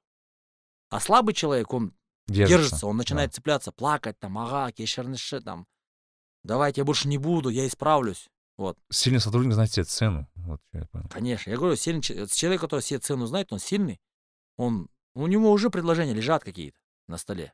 Мгм. Он просто сейчас ты его уволишь, он позвонит, скажет, у вас предложение в силе 2-3 месяца в силе, я прихожу к вам. Мгм. А слабый, он знает, что сейчас его выгонят, он потом будет полгода работу искать. Эти вот, э, здесь Так такое сильно важно. Social well-being, короче, это тоже вот, ну, 15-20% общего well-being Окей, составляет. мы сейчас пришли 65% примерно. Ну, окей. примерно, да, 65, скажем, Окей. да. Деньги, э, заметьте, на деньги осталось максимум 35, да? Но даже не 30, чем меньше. Давайте, let's talk about money. So let's talk about money. Everybody likes money, money, money. Да? Значит, э, ошибочно все полагают, что деньги а, делают человека счастливым. Здесь нужно, как говорится, в анализ входить. Кто не любит, говорит, голову напрягать, им трудно это, в этом разобраться. Но мы сейчас просто вот на словах разберем, очень просто все на самом деле. То есть ошибочно полагают, что миллиардеры, миллионеры, они бог- прям счастливые люди. У любого миллионера есть проблемы. Первая проблема, как сохранить свои деньги, чтобы их не обокрали. Правильно же? Потому что он деньги держит в банке, а банк может накрыться. Он деньги держит там в компании, компания может обанкротиться. Правильно же? Да. Он держит деньги в золоте, золото могут, ну, физическое золото могут украсть, ограбить могут. Правильно же? Под подушкой держать тоже нельзя. В валюте какой-нибудь зарубежный банк в Швейцарию ложишь, там приходят тебе швей- швейцарцы, говорят, да, неси, неси давай деньги, да? Ты ему несешь туда, ложишь, он через год говорит, а, а вообще, ну, а, а где- Откуда ты деньги?» где эти деньги взял, да, вообще? А, а на входе-то не спрашивали же? Да. Они очень умные. История денег какая вообще? Да, они очень умные люди. Они Лондон тоже самое. Они за- засасывают деньги твои на счет, ложат, год тебя не трогают. Через год, там, два, например, приходит вопрос, слушай, а ты вообще эти деньги где взял? Вот мы слышали, что ты вообще какой-то там, ну, оказывается, там, кем-то был, там, да, кем-то должностным лицом, чиновником. Не украл ли ты случайно эти деньги? И он должен доказать, что он не украл, а, ну, кто Свои докажет? же деньги. А Кто ему докажет, да? Ну, как свои, там. Ну, окей. Конечно, если человека бизнес, у него там, не знаю, производство там меди там или что, или алюминиевый завод, он докажет быстро, бухгалтерию покажет, скажет, на, все налоги уплачены, вот, я туда. Ну, если не можешь доказать, тогда давай сюда 40%.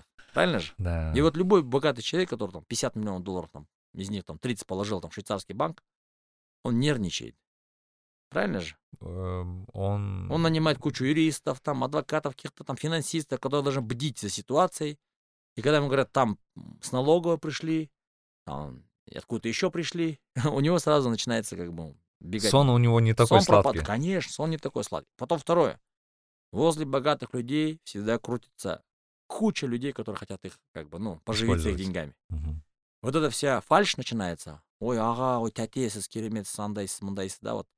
И вот он, он же, видишь, это фальш. Мгм. Но кто-то уже настолько привыкает к фальше, он думает, что все, все фальшивые, никому доверять нельзя. Мне вот в этом плане, вот я, мы с Даки общались как-то, и пример, э, Даки привел пример э, Чингисхана, что они когда остались в пустыне, они остались голодными, у Да. него было 7 человек, кажется, 70 человек. а было. 70 человек, и они кушали, что они кушали? А, а, ну, они шли, го- гол- вода уже заканчивается, уже Пустыня- несколько дней не Гоби, ели. да, кажется? И там? он подстрелил, один из, э, там, значит, его э, соплеменников, скажем, подстрелил пустынного воробья.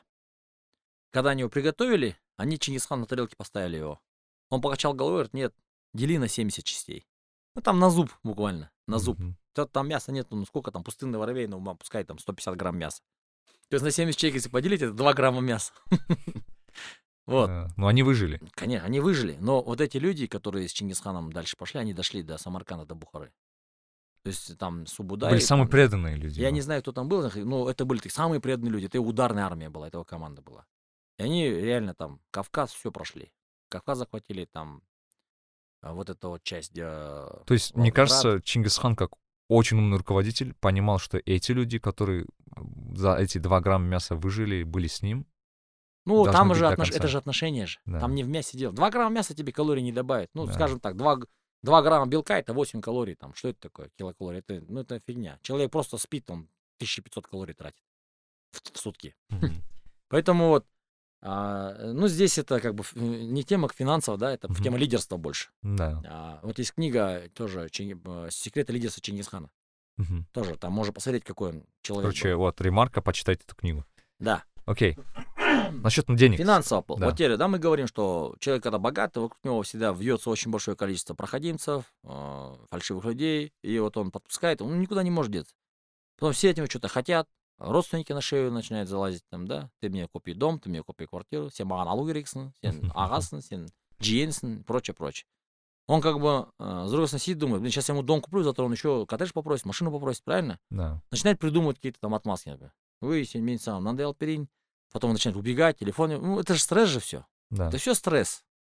Причем в нашем, как бы, родоплеменной нашей, как бы, ментальности, при нашей родоплеменной, мы не можем просто родственника послать, как это делают в Европе, например, или в Америке, правильно? Да. То есть, если пошлешь, тоже плохо. Нельзя эти родственные связи рушить, скажем так. Да, нельзя. Вот. Ни, ни по казахским традициям, ни по мусульманским традициям нельзя. Правильно же? Ну и что происходит? Вот поэтому многие, которые полагают, что богатые люди счастливые, они сильно ошибаются.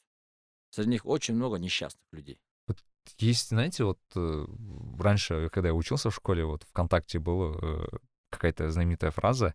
Она как мем сошла, но показывала как-то, знаете, отношение людей к этому. То есть там было, да, э, деньги не делают счастливыми людей, но лучше об этом плакать, сидя в, в Роллс-Ройсе, там какой-то такой, знаешь, Ну, вот сейчас мы была. придем туда, да, вот. Да, очень странная такая Теперь фраза. смотри- смотрите, да, что получается у нас.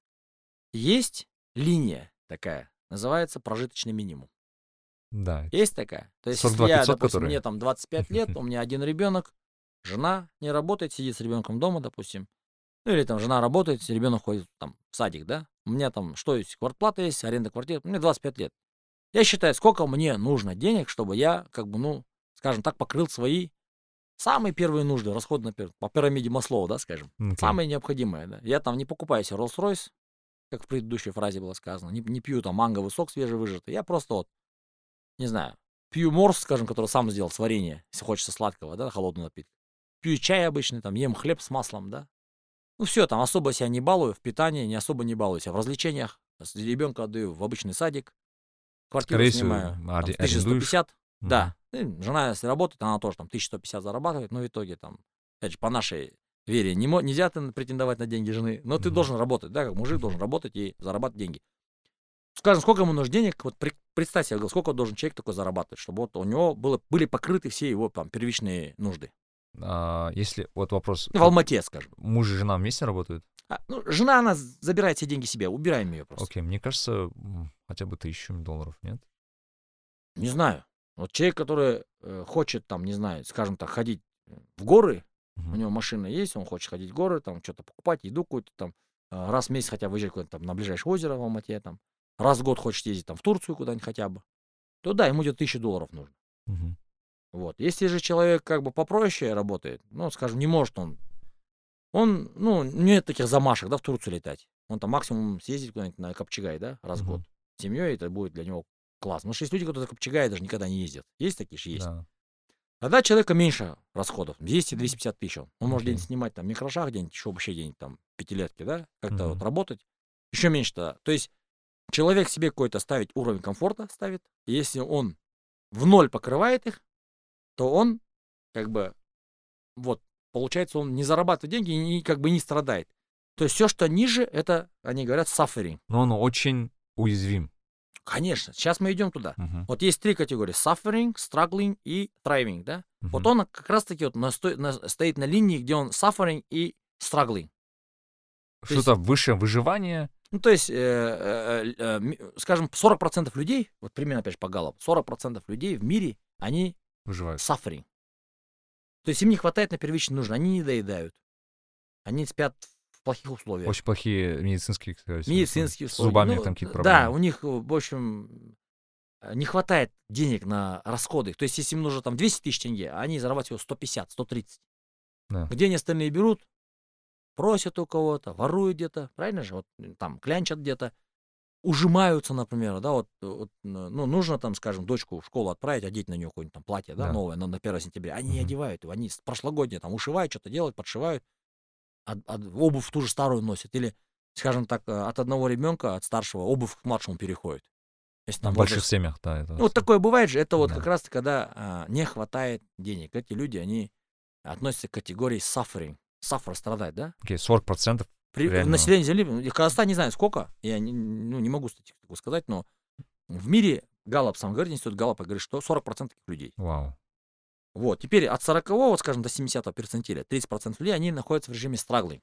То есть это тоже, если у этого парня брать, это, ну, скорее всего, человек, который зарабатывает больше 250 тысяч, Да. а, возможно, больше тысячи долларов, Мгм. Ну вот, но и не 5, ну, не, ну, у не него, 10. скажем так, у него страглинг, он, а, у него то есть, то нету, то есть, то нету, он не постоянно, он, он, он как бы у него, ну, скажем, он накопил а, там тысячу долларов, да, Мгм. Вот он там 250 же получает, он на, на жизнь ему хватает 250. Он получает 350, допустим. 100 Вот у он- него есть остается. У него 100 остается, да. 600 накопил он. Тут мама позвонила, сказала, там, мне нужно там кухонный гарнитур поменять, там, да. Ты мне 200 тысяч дай. Да. Он шешем гой, типа, беру керек. Да, он отдает 200 тысяч, и 400 остается, правильно? Мгм. Тут Бюджет- жена говорит, бюджет- жена говорит, слушай, я хочу iPhone. Вот там, не знаю, там, Гульжан купила себе там iPhone, вот ей муж молодец, купил iPhone, а вот мне тоже хочется iPhone. И он, да блин, у тебя же нормальный телефон, да? Нет, вот я хочу iPhone 11, там, 12, да? Ну, 12 только, за столько не купишь сейчас. Ну, как бы вот сам факт, да, того. И он вытаскивает деньги эти там с-под подушки и покупает ей iPhone. Опять на возможно, нуле, возможно, правильно? возможно, берет еще чуть-чуть займы. Ну, это, это, это не важно, как форма Мгм. будет. Там, ну, главное, что он опять в ноль ушел, Да. правильно? Да, Он ушел опус- в ноль? опустошил. Он опять работает, полгода еще копит. Раз у него машина сломалась, там, не знаю, как рулевая рейка, которая там 150 тысяч тенге стоит. Или у него поч- почка заболела, надо лечить. То есть эти люди, они не накапливают деньги. Они живут страглинг. Почему вот мы берем от 40 до 70 перцентиля? Те, которые живут там в 45 перцентиле, это люди, которые скромно живут, но им только-только на жизнь хватает. Люди, которые живут на 68 перцентиле, они не так скромно, они как бы по- покруче живут, скажем, но у них опять же не накапливаются деньги. Мгм. Правильно же? Да. И их там доходы, скажем так, ну, а, не превышают расходы. Короче, они в этом плане уязвимы. Они все, и те уязвимы, и эти уязвимы. Окей. То есть, если случится что-то серьезное, у них нету накоплений.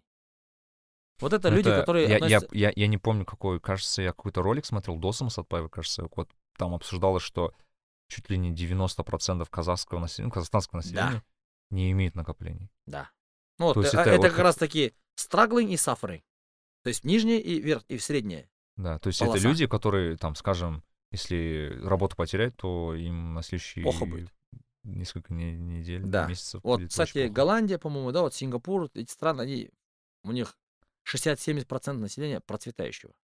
Да, там, потому что даже, да, блин, да, в этих государствах, даже если ты потеряешь работу, тебе немножко... Вот. То есть есть подушки безопасности, Да. правильно? Окей, вот теперь берем дальше. 30% людей, это опять же overall. В Казахстане, видимо, 10% всего таких людей. Вот Мне если кажется, да. там говорили 90. То 30% населения как бы, э, Земли, они а, относятся к категории thriving. То есть у них получается накопить деньги. Мгм. Вот здесь прикол какой. Скажем, если я на 70 75 перцентиле, то у меня там в месяц, скажем так, 1000 долларов от- откладывается. Даже несмотря на спонтанные покупки там жене, жене айфона там или там поездки куда-нибудь там на Мальдивы, у Мгм. меня накапливается там, 1000 долларов, да? То есть в год 12 тысяч долларов. И потихонечку, потихонечку коплю. У меня квартира есть, все есть, и я потихонечку коплю эти деньги. Куда-то, может быть, даже вкладываю, они еще приносят деньги. Те, которые относятся к 99 перцентилю, это как раз таки наши миллиардеры. Ну, те, которые там Это не миллиардеры, 1% людей. мультимиллионеры. Это 100 1%, миллионов. да, а? Это 1% вот этот. Да. Ну, то есть те, у которых там больше 100 миллионов долларов. М. Даже, может быть, не 1%, а полпроцента. Ну, очень понятно, да, вот. Теперь, здесь фишка в чем? Вот это вот, вот здесь вот прям много кому нужно, всем нужно понять это, почему, как, как это работает. А институт Галлоп, опять же таки, делает опросы. Он опрашивает. Допустим, если я трачу в месяц, ну, сейчас возьмем такие самые такие, самые абстрактные цифры. Вот я, допустим, 5000 долларов трачу, да? Мгм. 5000 долларов трачу, на все свои расходы покрываю 5000 долларов. В месяц. В месяц. Я получаю, допустим, 10 тысяч долларов. Мгм. У меня 5000 долларов остается, правильно же? Да. Вот. Теперь там я, не знаю, что-то делаю, там круто работаю, меня там поднимают зарплату до 15 тысяч долларов. Мгм. Теперь а, я, допустим, 5000 долларов также трачу, но могу 10 откладывать, правильно же? Мгм. А по сути дела, у меня же в два раза больше денег накапливается, Да. но я в два раза счастливее не становлюсь. Оу. Вот это конкретное исследование. То есть Вот то книгу Wellbeing возьмет, прочитает, там все написано. с точки зрения э, счастья, Да. 2х денег Не, не, не, сделает делает тебе твоих 2х счастья. счастья, да? Вот если я 5 тысяч накапливаю, допустим, Да. у меня там, скажем, счастье 20%. Если я 10 тысяч накапливаю каждый месяц, у меня там 25% счастья. Если 20 тысяч накапливаю, у меня там 27% счастья. То есть она как, как гипербола идет. М, Вот. А как парабола, Интересно. как парабола, то есть идет. Она, она как бы, э, ну вот эти же сверху миллионы не как бы не делают меня счастливым на столько ж процентов. То есть она не линейна. И еще такое. Я, конечно же, 5 тысяч долларов когда получаю, я там, скажем, 10 трачу, на 5 живу. мгм. Но бывает такое, что я, допустим, ну, решил жить на широкую ногу, да? Ин- ин- инфляция, скажем. Скажем, нет, э, не инфляция, это я 10 тысяч зарабатываю, я могу и на 10 жить же теперь. Ну, я и говорю, инфляция твоей жизни это происходит. Да, Ты, ты начинаешь да. больше тратить. Больше просто. тратить начинаешь, да. Да. То есть консюмеризм растет, и я начинаю как бы уже... у тебя Не уже- одну машину, а две машины. Две брать. машины, там уже там не Toyota, а там BMW, например, да, или там джип какой-нибудь. Повышаешь, грубо говоря, свой Жена говорит, я не хочу теперь кушать там в Хаганате, я хочу кушать там, не знаю, где-нибудь получше, да, в Беладжо. Выше. Альфа-Раби. Да, выше Альфа-Раби. То есть, как бы, опять же, ты, когда так начинаешь э, свои э, потребности свои наращивать, да, ты опять сползаешь с категории thriving в категорию struggling. Но А, проблема в том, что когда ты привыкаешь к этому уровню жизни, а потом твои доходы Падают? падают. Особенно касается людей, которые бизнес ведут. Они бывают... Ну, это вообще отдельная тема, да? Вот э, Талебовская первая книга хорошая очень. Очень хорошая, это «Одураченная случайность». Мгм. Когда у тебя доходы резко падают, и ты не можешь уже покрывать, Да. у этих людей большой стресс, особенно у женщин, у жен этих людей. Мгм. Потому что они привыкли на широкую ногу жить, и теперь проблемы с деньгами. И они-то не хотят э, в Хаганат возвращаться. Ну да. Ну да. Классно. Вот. Поэтому вот, э, вот здесь нужно всем понять вот эту тему насчет financial well-being. Это целая наука, финансовая грамотность, как вот э, откладывать деньги, как их там накапливать, как их приумножать. Да. И я уверен, что многие люди, вот даже закончившие финансы люди, даже закончившие КИМЭП люди, там, не знаю, финансы, там, какие хочешь вузы, там, высшая, высшая школа экономики, да, в России очень, очень хороший вуз, сейчас он один из топовых, да, в России. Даже не МГУ, да, ну, как мне говорят москвичи сами. А, даже они не, очень плохо своими финансами руководят. То есть считают хорошо, а денег нету. Да, вот я и говорю, то, что э, сколько бы ты умным не был. Блин, вот интересно, да, такие, то, что финансовые э, все правила из финансовой грамотности, это же они очень простые, но, а, скажем, умные люди, которые работают с очень сложными теориями, сложными цифрами, формулами, они могут порой делать очень простые шаги. Мне просто когда звонит и говорит, у меня там проблема, ты можешь занять денег. Да. И ты удивляешься, человек там профессор, да? PhD у него там. Он хорошо считает, он математик, и он просто у него нет денег. Потому что ну, он вообще финансы неграмотно себя ведет. Да. Бывает, кредит берут такие дома, которые там не могут покрыть, например. Не знаю, Да. как он считал. В общем, надо быть, третий, вот по третьему пункту, надо быть финансово грамотным, уметь э, считать деньги, уметь их откладывать, инвестировать, Да. приумножать. Ну, это вот целое. Это вот инвестиции это один из самых сложных видов бизнеса. Мгм. Это вот э, разобраться в IT, разобраться, скажем так, в вышмате гораздо легче, чем в инвестициях. Почему? Потому что инвестиции это такая очень... Там нужно иметь реально стратегическое мышление, стратегическое видение. Это вообще... Причем в инвестиции работает всегда только в долгую перспективу. Нет, я- может... ну, мо- есть ну, есть и краткосрочные да, инвестиции, но я к тому, что, ну, для обычного Есть спекуляции еще. То Ну есть да. вот биткоин.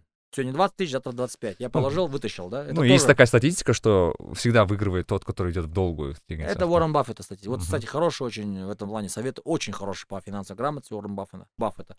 Э, Как сложный процент, вот эта тема. Да. Лучше пускай 1%, но растет, да, в месяц. ага. Ну, как бы. Классная вещь. Ну, в общем, э, финансовое наше благополучие, это вот такая тема, которая... Да, в общем, надо работать. а, Опять же, тратить нужно правильно. Better buy э, experiences than things, говорят, да? Да. Happy people buy э, experiences, not things. Что когда ты вот куда-то съездил или купил что-то, да, а, съездить, говорят, лучше, потому что впечатления, они бы, уровень твоей жизни, ну, как уровень Другие мысли дают, да, да. мышление твое меняет. Мгм, мгм. Нарик Билай. Следующий у нас пункт идет у нас э, физическое благополучие, physical well-being. Да. Это, ну, скажем так, первое это здоровье. Опять же, наш хадис, да, если ты утром проснулся, у тебя ничего не болит, у тебя есть что сегодня кушать, ты счастливый человек. Благодари Бога. да. Правильно же? Это, к сожалению, мало кто понимает, опять-таки. Вот физическое благополучие, когда у тебя ничего не болит. Вот даже недавно я переболел, Лежишь, когда ты болеешь, тебе ничего не надо вообще. Ничего не интересно, ничего не... Ни деньги не нужны, ни, ничего не надо. Ни, ни знания, Тебе ни вот книгу это- даже читать даже если ты сколько угодно вещей ты имеешь, сколько ты гад не был, если ты болеешь, Да. Тебе ничего, ничего, не не интересно. Ничего не интересно, правильно. Да. То есть то же самое. Есть же люди, у которых хронические заболевания. М. Вот аллергия у Которые, тебя. которые там очень долго страдают. Да, этого. вот у тебя аллергия сезонная, все, ты в гору не можешь пойти. Постоянно с какими-то лекарствами можешь ходить. Ну, все, у тебя уже уровень счастья падает, правильно же? Мгм. А есть люди, у которых там, печень больная, почки больные, там, не знаю, желчный пузырь удален, да? Ты не можешь жирное съесть. Плов, на плов позвали, ты его не можешь есть. Смотришь, все другие смеются, там, да, веселятся, а ты сидишь, и одну ложку съел, Уровень говоришь, сахара высокий, ты можешь Да, у сладкое кого кушать. там, у кого-то там, не знаю, там, диабет, ну, в общем, ужасно все это, конечно, Мгм. плохо. А все почему? Потому что люди не следят за своим здоровьем, с 20-15 лет начинают пить энергетики, там, Мгм. энергетические напитки. Это вот недавно тоже хорошая фраза. Вот там один парень писал э, блог про то, как он похудел. И он Ага. рассказывал, что он очень... У него была идея такая вначале. То есть он говорил, я буду вкладываться в спортзалы, буду качаться, буду сбрасывать Ага. вес. Работает? Не... Работает ли это? Говорит, нет. Долго пытался понять, почему, а потом понял, что надо работать не, не в тренажерном зале, не в этом месте, а в холодильнике, говорит, моем. Да. Там вся проблема. В общем, а, люди едят не то, питаются не тем. Они смотрят на этикетку.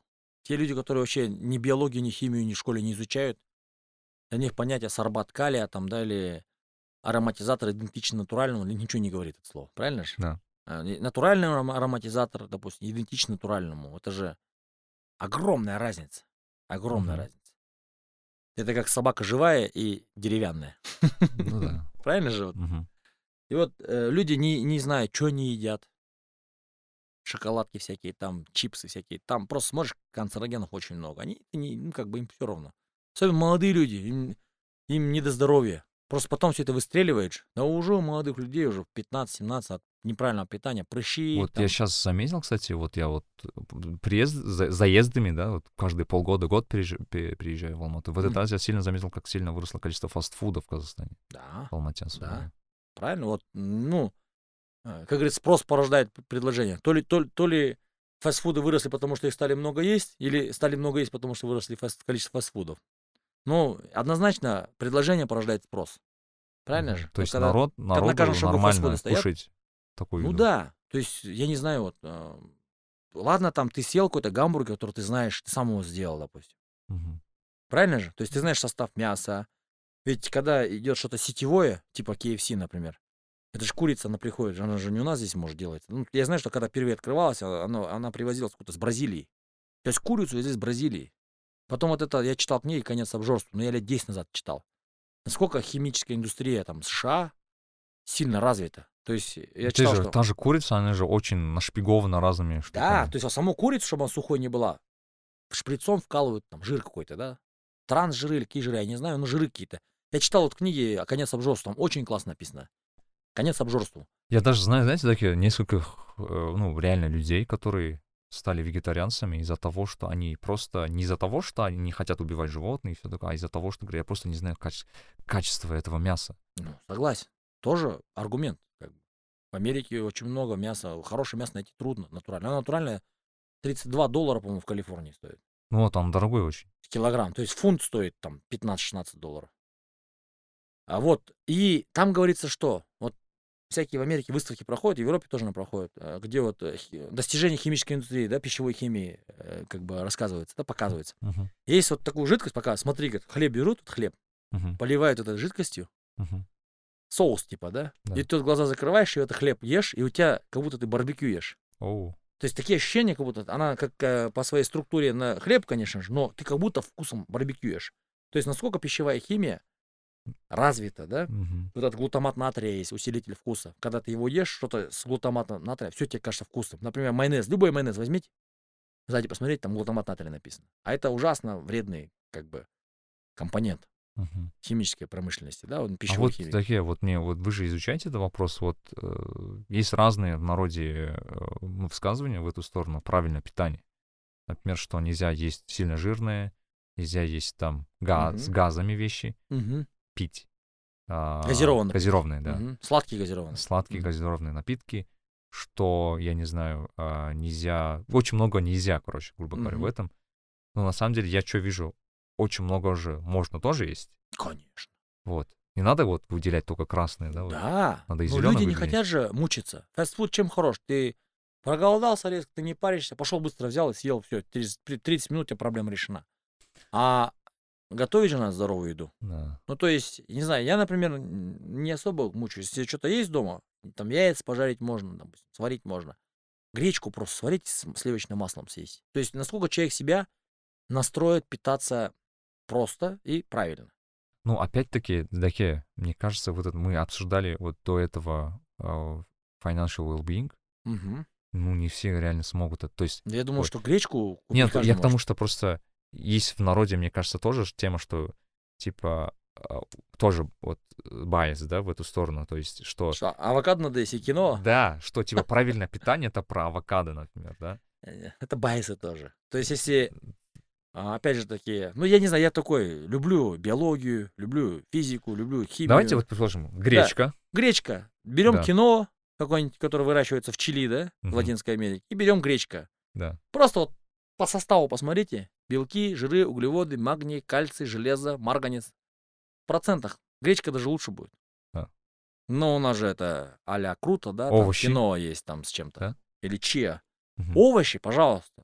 Любите морковь. Капуста, морковка, да, и свекла, допустим. Это тоже богатые очень элементами вещи. Э, Сезонные фрукты. Сезонные фрукты, да, любые там.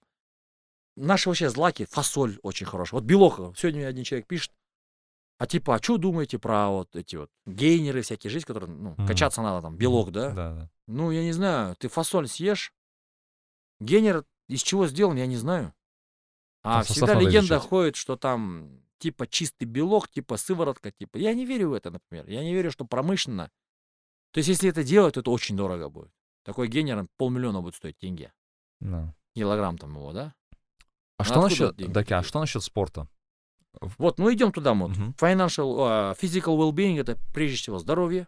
А здоровье, чтобы было, нужно что? Правильно питаться, первое, правильные вещи пить, неправильное не есть и физические нагрузки, правильно? Да. Все, вот он, вот весь секрет как бы, физического благополучия. Мгм. Если вы правильно питаетесь и много едите и за компьютером весь день, а проблема грыжа, например, проблема айтишника, правильно? Да. Это такая, ну, грядущая проблема. Она уже есть, наверное, но Она вообще прям очень глаза и вещь. позвоночник это прям.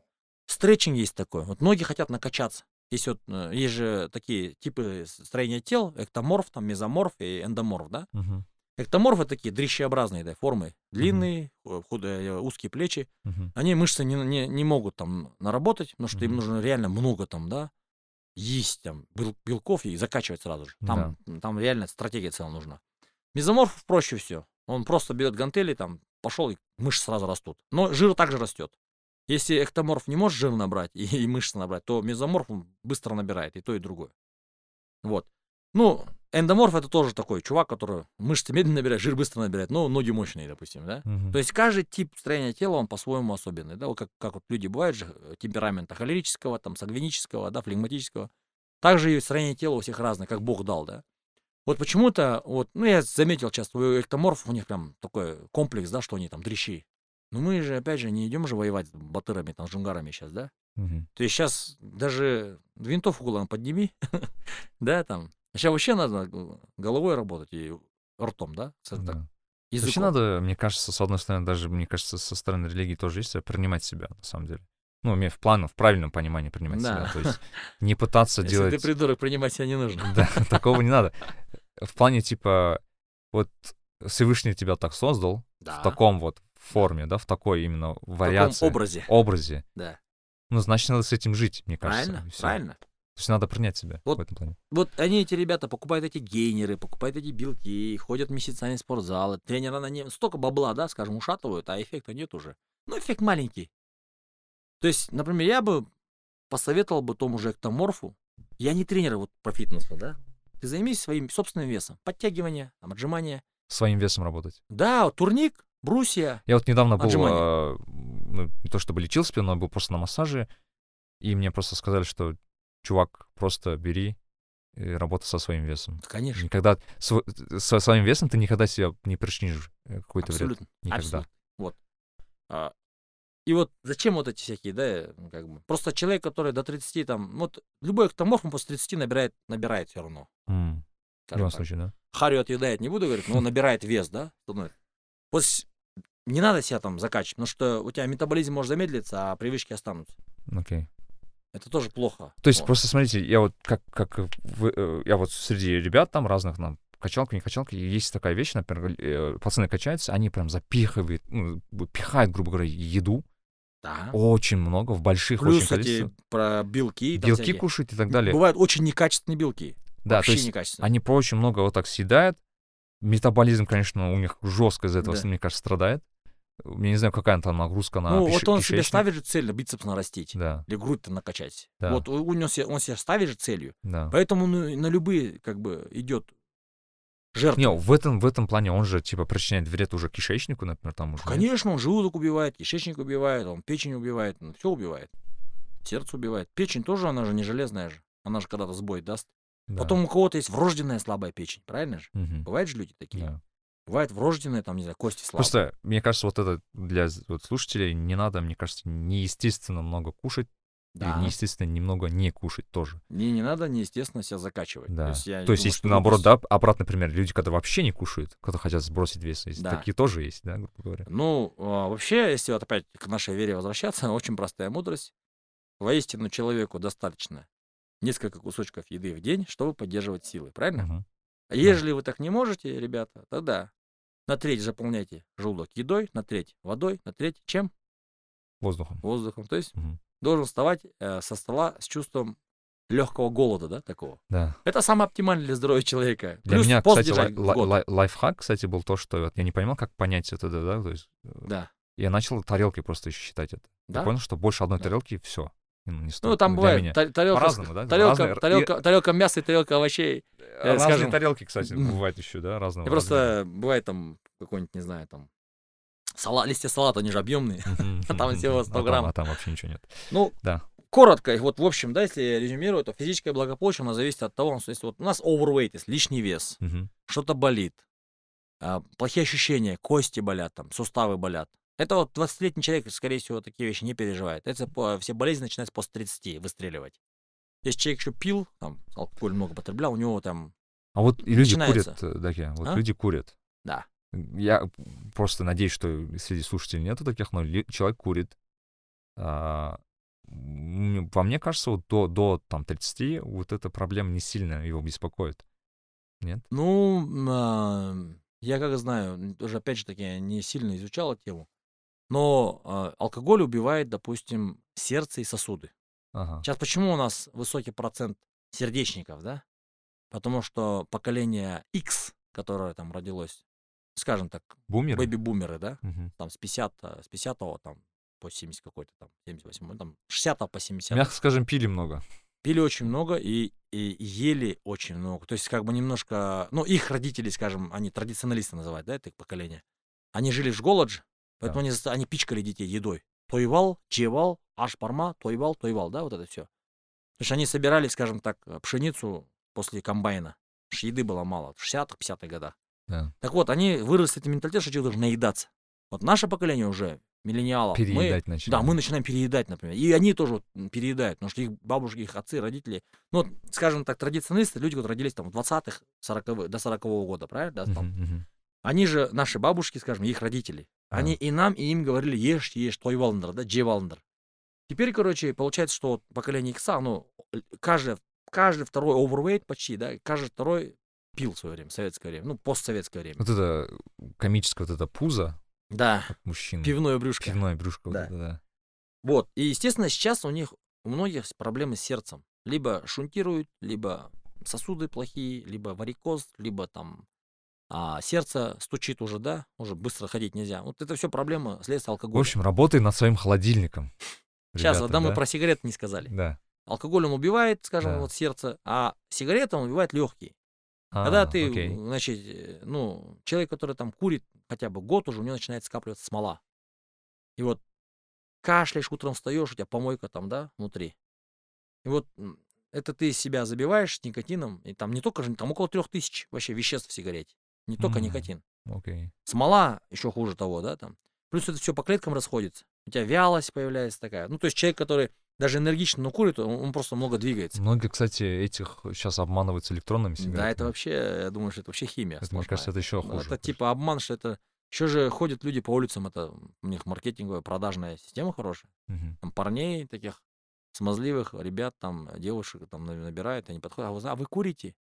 А вы не хотели попробовать? А это же не так. Я вот, например, подходит, я говорю, вы, вы знаете, что вы предлагаете вообще? Они не знают, что они предлагают. Они не знают, что они вредные вещи предлагают. Мгм. Ну, то есть, ну, им пофигу же, им платят же как бы. Но Да, ты говоришь, ты вот лучше другой что-нибудь делал бы, чем вот это продавать. Вот, сигареты, а, если человек бросит курить, говорят, так слышал, что через 6 месяцев у него легкие очищаются. От смолы, от всего этого. Ну, конечно, если он 50 лет не курил, а там 5, там, 10 лет курил. В принципе, курить можно бросить. Есть книга хорошая, легкий способ, способ бросить курить. Алина Кара. Мгм. Есть аудиоверсия, есть книжная версия. Очень хорошая книга, она помогает бросить курить. Я прям много знаю людей, кто вот бросил курить благодаря ей.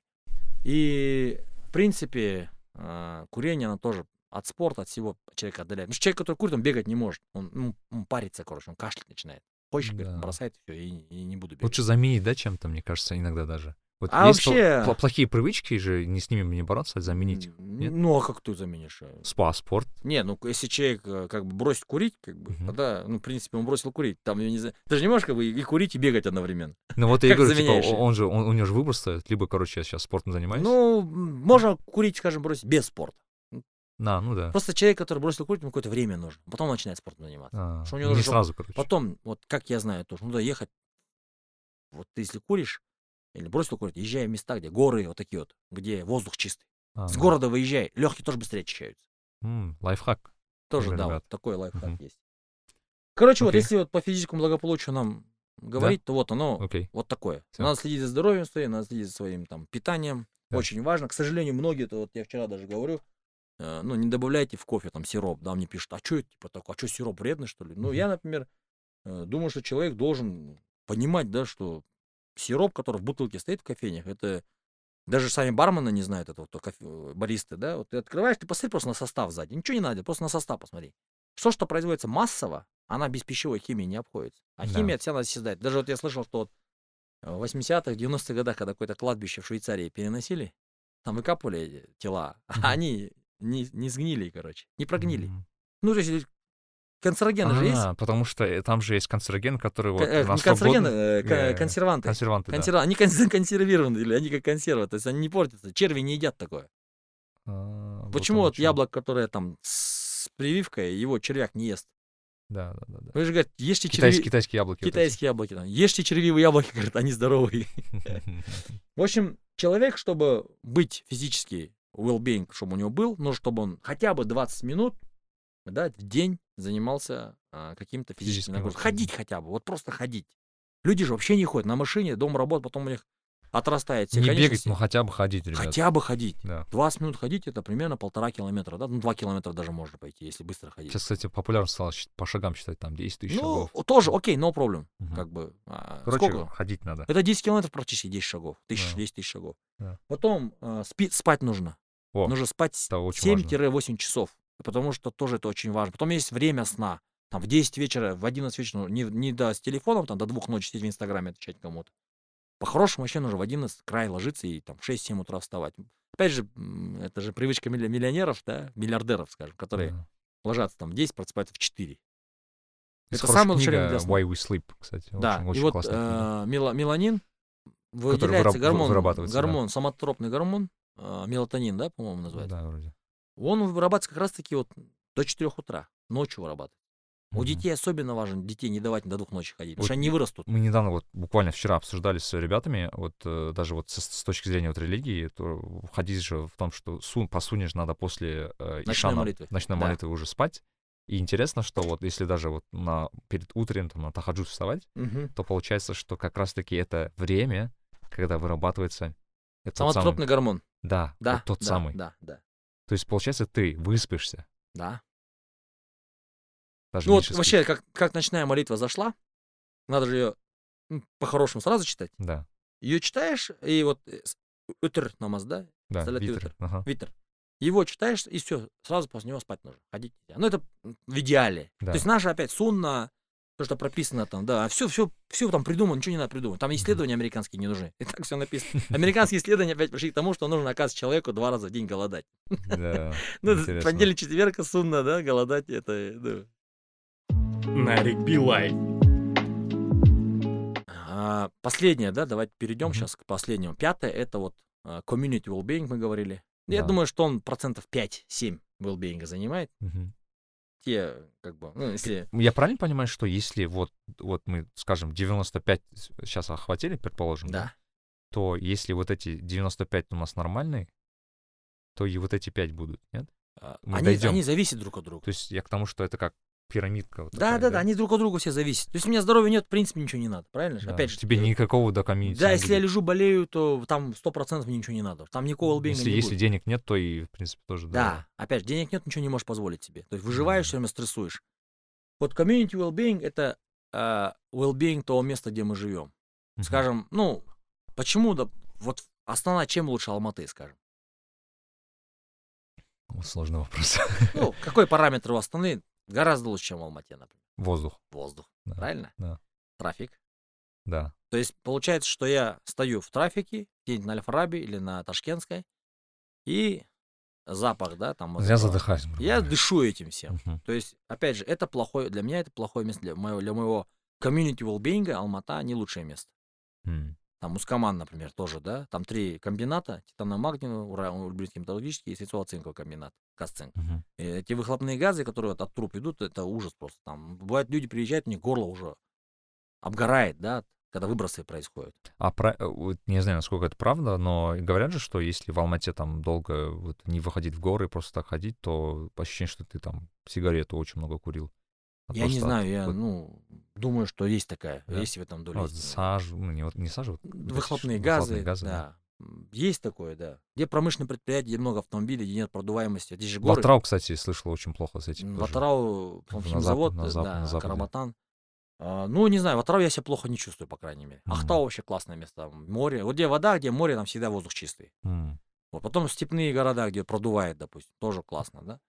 Вот, ну, один из параметров это воздух чистый. Очень важно, потому что мы реально стареем, болеем от воздуха, в том числе. Всякая очередь. онкология появляется разная. Ну, слышал, что от плохого воздуха онкология часто именно. А, Ну, онкология, не знаю, я не врач, не Мгм. онколог, но я, моя имхо, да, мое, Мгм. и my humble opinion, а, такие заболевания больше от нервных, от, на А, нервах. окей. То есть, э, как бы влияет питание, Возможно, влияет но, но- нервы играют больше роли. Окей, окей, Потому что, хорошо. придем к чему, почему нервы? Есть гормон кортизол, гормон стресса. Да. Когда мы на работе стрессуем, по делам, за всякую фигню переживаем, скажем так, у нас кортизол в крови повышенный, концентрация кортизола в крови повышена. А он влияет на все. На нашу психику, на наши почки, на наше сердце, и он просто ушатывает всё. Мгм, Просто мгм, у тебя износ быстрее идет из-за кортизола. мгм. Почему, говорят, токсичных людей избавляться? Потому что любой токсичный человек, он порождает кортизол в крови. Это такой сгусток кортизола. Да, да, это такой источник, кор- выз- источник вызывает, ну, кортизол же наш ор- организм Ага. сам вырабатывает. Да. Он утром вырабатывает, когда мы просыпаемся, кортизол вырабатывает, чтобы мы начали двигаться. День начал, все, иди искать пропитание себе. Но когда у тебя весь день в крови, и как перед сном особенно, все, у тебя и сон Перез- пропадает, переизбыток, пропадает. да. Ребята, Второе. читаем книгу э, «Гормоны счастья». Да, Классная- кстати, классная очень хорошая книга, прям must read for everybody. Мгм. А, второе это вода, которую мы пьем. О, Тоже очень важно. Я помню, в 2004 году я приехал в Атарау, попил воды, ну, начал пить воду крановую, скажем, через полгода пошел, не полгода, через три месяца пошел к э, этому, к стоматологу. Пломбу ставить. Никогда пломбу не ставил. до из-за воды? Да, ну вода, Она она... съела, получается, зубы? Я не знаю, что, но вода там тогда была. Я не знаю, как сейчас, но вода была очень плохая. Прям все. Она даже набираешь, она как-то цвет такой у нее мутновато, прям хлорки много было. Не знаю, она была не очень хорошего качества. Помню, тогда я с Ускаманской водой сравнил. У нас там э, водозабор идет опытное поле, водозабор пионерский, который с-под Иртыша берет. Вот там Мгм. вода самая чистая была, прям просто офигенная вода. Она Мгм. под Иртышом еще говорят, такая же река течет, как Иртыш. Мгм. И 200 метров буришь, там прям вода была классная. И просто я сравниваю по, по вкусу узкоманская вода, просто пьешь, она классная. А в Атарау это было ужас. Там еще вода, ну, не доходит до четвертого этажа, кстати, где мы жили, да. Утром Мгм. в ча- в час пик, там, да, водоразбор большой, и воды не хватает. И вода была очень плохого качества. И помню, что зубы ушатываются очень быстро. Так вот, вода, которую мы пьем. Сейчас, э, ну, слава богу, э, воды очень много производят. Вот это природная вода, натуральная вода, самая хорошая вода. Фильтры очень А Я не, не сильно люблю фильтры сам, честно сказать. Э, Вот эти, которые про вода, которая... В там, домах, Бон- которые ставят? Бонаква, например, вода, которая крановая вода, которую просто почистили, Ага. через фильтра провезли. А вот та- тот же Тассай, Да. там природная вода, написано, по крайней мере. Я верю, что природная, она даже по вкусу лучше, да? Мгм. Просто человек, который не не обращает на внимание, он не, не отличит на вкус воду. Что Я настолько привык, там, Тассай уже, я там сразу отличаю, где Тассай, где не Тассай. У воды есть вкус, ребята. Кстати, вот про воду очень хороший фильм есть «Великая тайна воды». Прям Да. супер фильм. Не Советую смотрел, посмотреть. но очень много советовали. Да. Так вот, второе, да, это вода. Да. Которую мы пьем вода, она должна быть классная. Что Мгм. она на здоровье влияет, на все влияет. Мгм. Третье – безопасность. То есть освещаемость улиц, например. Если там стрельба, если наркоманы, Да. в месте, где мы живем, да, если воры. Вот это все вот well-being, э, community well-being формирует. То есть ну, ты можешь сейчас вот ночью, в 2 часа ночи выйти на улицу, поймать такси и доехать, скажем, до Ахсая. Ну, не знаю. Ну, проблем не будет, правильно? Да. Вот. да. Поэтому в Бразилии будет проблема. Если в Рио-де-Жанейро это сделать, Да. где район Копакабана, где чуть дальше отойди туда внутрь. Где фавелы? Фавелы. Да, может, даже не фавелы, а обычная улица. Или, да, не знаю. Мне один, кстати, мой коллега бразилец объяснял, как плохо в Бразилии было просто с школы уехать домой и Да. обратно. Да. Это Почему? вот как раз-таки... Просто, даже тебе, если тебя, с тебя нечего взять, тебя просто побьют. Просто по приколу, да, кому-то там поприкался. Блин, сколько бы ни жаловались, вот в Казахстане в этом плане, мне кажется, более-менее нормально. А? Ну, э, давай так, да, вот. Я Зависит, конечно, от региона. 90-е годы, да, возьмем. Ну, я подростком был 90-е годы. 96-95 год, мне там 13-14 лет, я вот так через, просто через чужой двор не могу пройти. Мгм. То есть есть риски, Да. тебя подтянут, Ну, обшмонают, карманы вывернут. Я в Ахсае рос в Алмате, тоже были, такое? было такое немного, Ну вот. какое-то время. Шапка у тебя классная, давай, дай поносить. Шапку за русском холодно, уже там в октябре шапку нужно носить. А давай шапку забирают ее, ты там нервничаешь, отдай шапку. Ну, как бы стресс для тебя выйти на улицу. Даже в магазин сходить стресс, если он там через там, две улицы. Потому что пацаны могут какие-нибудь докопаться. Да. Вот это тоже на well-being влияет, на community well-being. Вот сейчас это же немыслимо, что ты там где-то там в Берлине там вышел на улицу, тебя кто-то остановил, начал тебе что-то забирать. Это же Да. немыслимо в Мгм. Токио где-нибудь. Поэтому вот эти страны, которые э, страны первого мира, у них такой проблемы нет. Страны Это, это третьего после мира, за- проблемы страты третьего мира? третьего получается? мира, да. Мгм. Вот какой-нибудь Эфиопия, не знаю, там, не знаю, возьмем там какой-нибудь Мозамбик. Там, наверное, ночью в магазин не сходишь. Лучше не ходить, короче. Вот. Не советую. Потом освещаемость улиц, э, воровство, вот эти вот. Потом всякие вот эти вот попрошайки на улице. Все это вот на well-being э, влияет. Но на самом деле Казахстан сейчас, в данный момент, вот, даже большие наши города, любые большие города возьмем, хоть Ахтау, хоть э, Ахтубе возьмем, там, Караганда, не думаю, что то в 2 часа ночи тебя будут грабить. Сейчас этого нету уже, давно. Да. Уже, причем лет 10. Правоохранительные органы, кажется. Да, правоохранительные органы работают. э, ну, сотовая связь, в принципе, по сотовой связи сейчас находят все преступления, в принципе. Мгм. Поэтому у нас реально классно здесь, в стране. Не у нас, например, не слышал прям, что большие проблемы там, с теми же наркотиками, все такое. Ну, кто хочет, тот найдет, да, говорят. но, но, но я в том же плане, что типа с этим работают. Да, работают, работают. В принципе, Просто есть страны, да, где не работают. я знаю, да, есть страны, где твой ребенок и большой риск, что он станет наркоманом. Просто ему Да. подкинуть, ну, как бы, да, возьми, попробуй конфету, да, и Да. все, подсел он. Вот, ну, это вот well-being, поэтому люди выбирают район, там, двор, да, вот это вот Мгм, мгм. важно. А, Какой-то комьюнити, чтобы было э, своя, своя охрана там была какая-то. Вот в Америке же часто а, комьюнити распространено слово такое, а не поэтому слово Да. комьюнити. Где вот, допустим, 50-100 коттеджей, у них там свой охранник на, на въезде, Кон- фонтанчик, называется? детская Эти, площадка. э, квартиры, кондоминиум или как называется? Вот эти, где, где вот, ну, по сути, оди- а- а- один дом, ну, Два этажный, хозяина. Таунхаус, таунхаус. да. Не, там, там может 10 таунхаусов быть в этом комьюнити, может быть 50 коттеджей, может быть, а может просто там два выс- высотных дома. Но у нас, в принципе, вот э, то, что Group строит, да, вот эти вот, это же как эко- экосистема они называют, да, Мгм. где двор есть свой, где паркинг свой где магазин свой где кафешка свой. Ну, классно, Да. классно. Я, ну, скажу так, Group сделал большой скачок в плане вот э, will be... Да, да, именно это. Я не знаю, насколько эффективно компания работает, но в плане вот э, построения экосистем, я скажу, в мире тоже не, не, не, все хорошо. У нас, в принципе, хорошо делает Group. М. Вот. А, потом что? А, Ну, по wellbeing, наверное, по, по, по комьюнити wellbeing, наверное, все. все Вот Мгм, примерно вот, вот так он и выглядит. Мы часто, часто люди же переезжают там с потому что экология плохая, допустим, в Да. Алмате, да, в Астану предлагают работу, человек уезжает, говорит, да, ну нафиг, я поеду. Холодно, ну и что, что холодно. Кстати, холод, он, ну, как сказать, ну, тоже влияет на это, ну, не Ну, не знаю, так кто-то- сильно, кому-то нравится холод. Да. Например, ну, я лично сам не люблю тропический климат, там все Ну, если, жара, например, жара, вы, жара. вы выбирать, например, у многих же какая, какой выбор между Астаной и Алматой, например, они думают, например, выбор чистый воздух или холод. Типа, Да, да, а- основной выбор такой. Что, Чистый воздух что или холод? приоритет, да. Ну, вот это вот для принятия решения такой тоже важный момент. Люди Мгм. должны выбирать, да. Да. А, теперь, вот если overall смотреть, работодателям особенно важно тему знать. Они когда человека нанимают, ну, многие не обращают внимания. Допустим, человек пришел за 100 тысяч тенге работает. Я, например, всегда думаю, а человеку 100 тысяч не хватает на жизнь, или не хватает. Да. Его financial being, being будет struggling или suffering.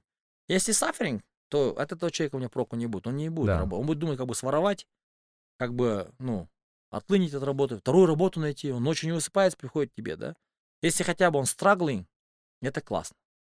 Такой человек, он будет пахать, будет зависеть от работы, но еще лучше, если он будет thriving, и он будет благоразумный человек.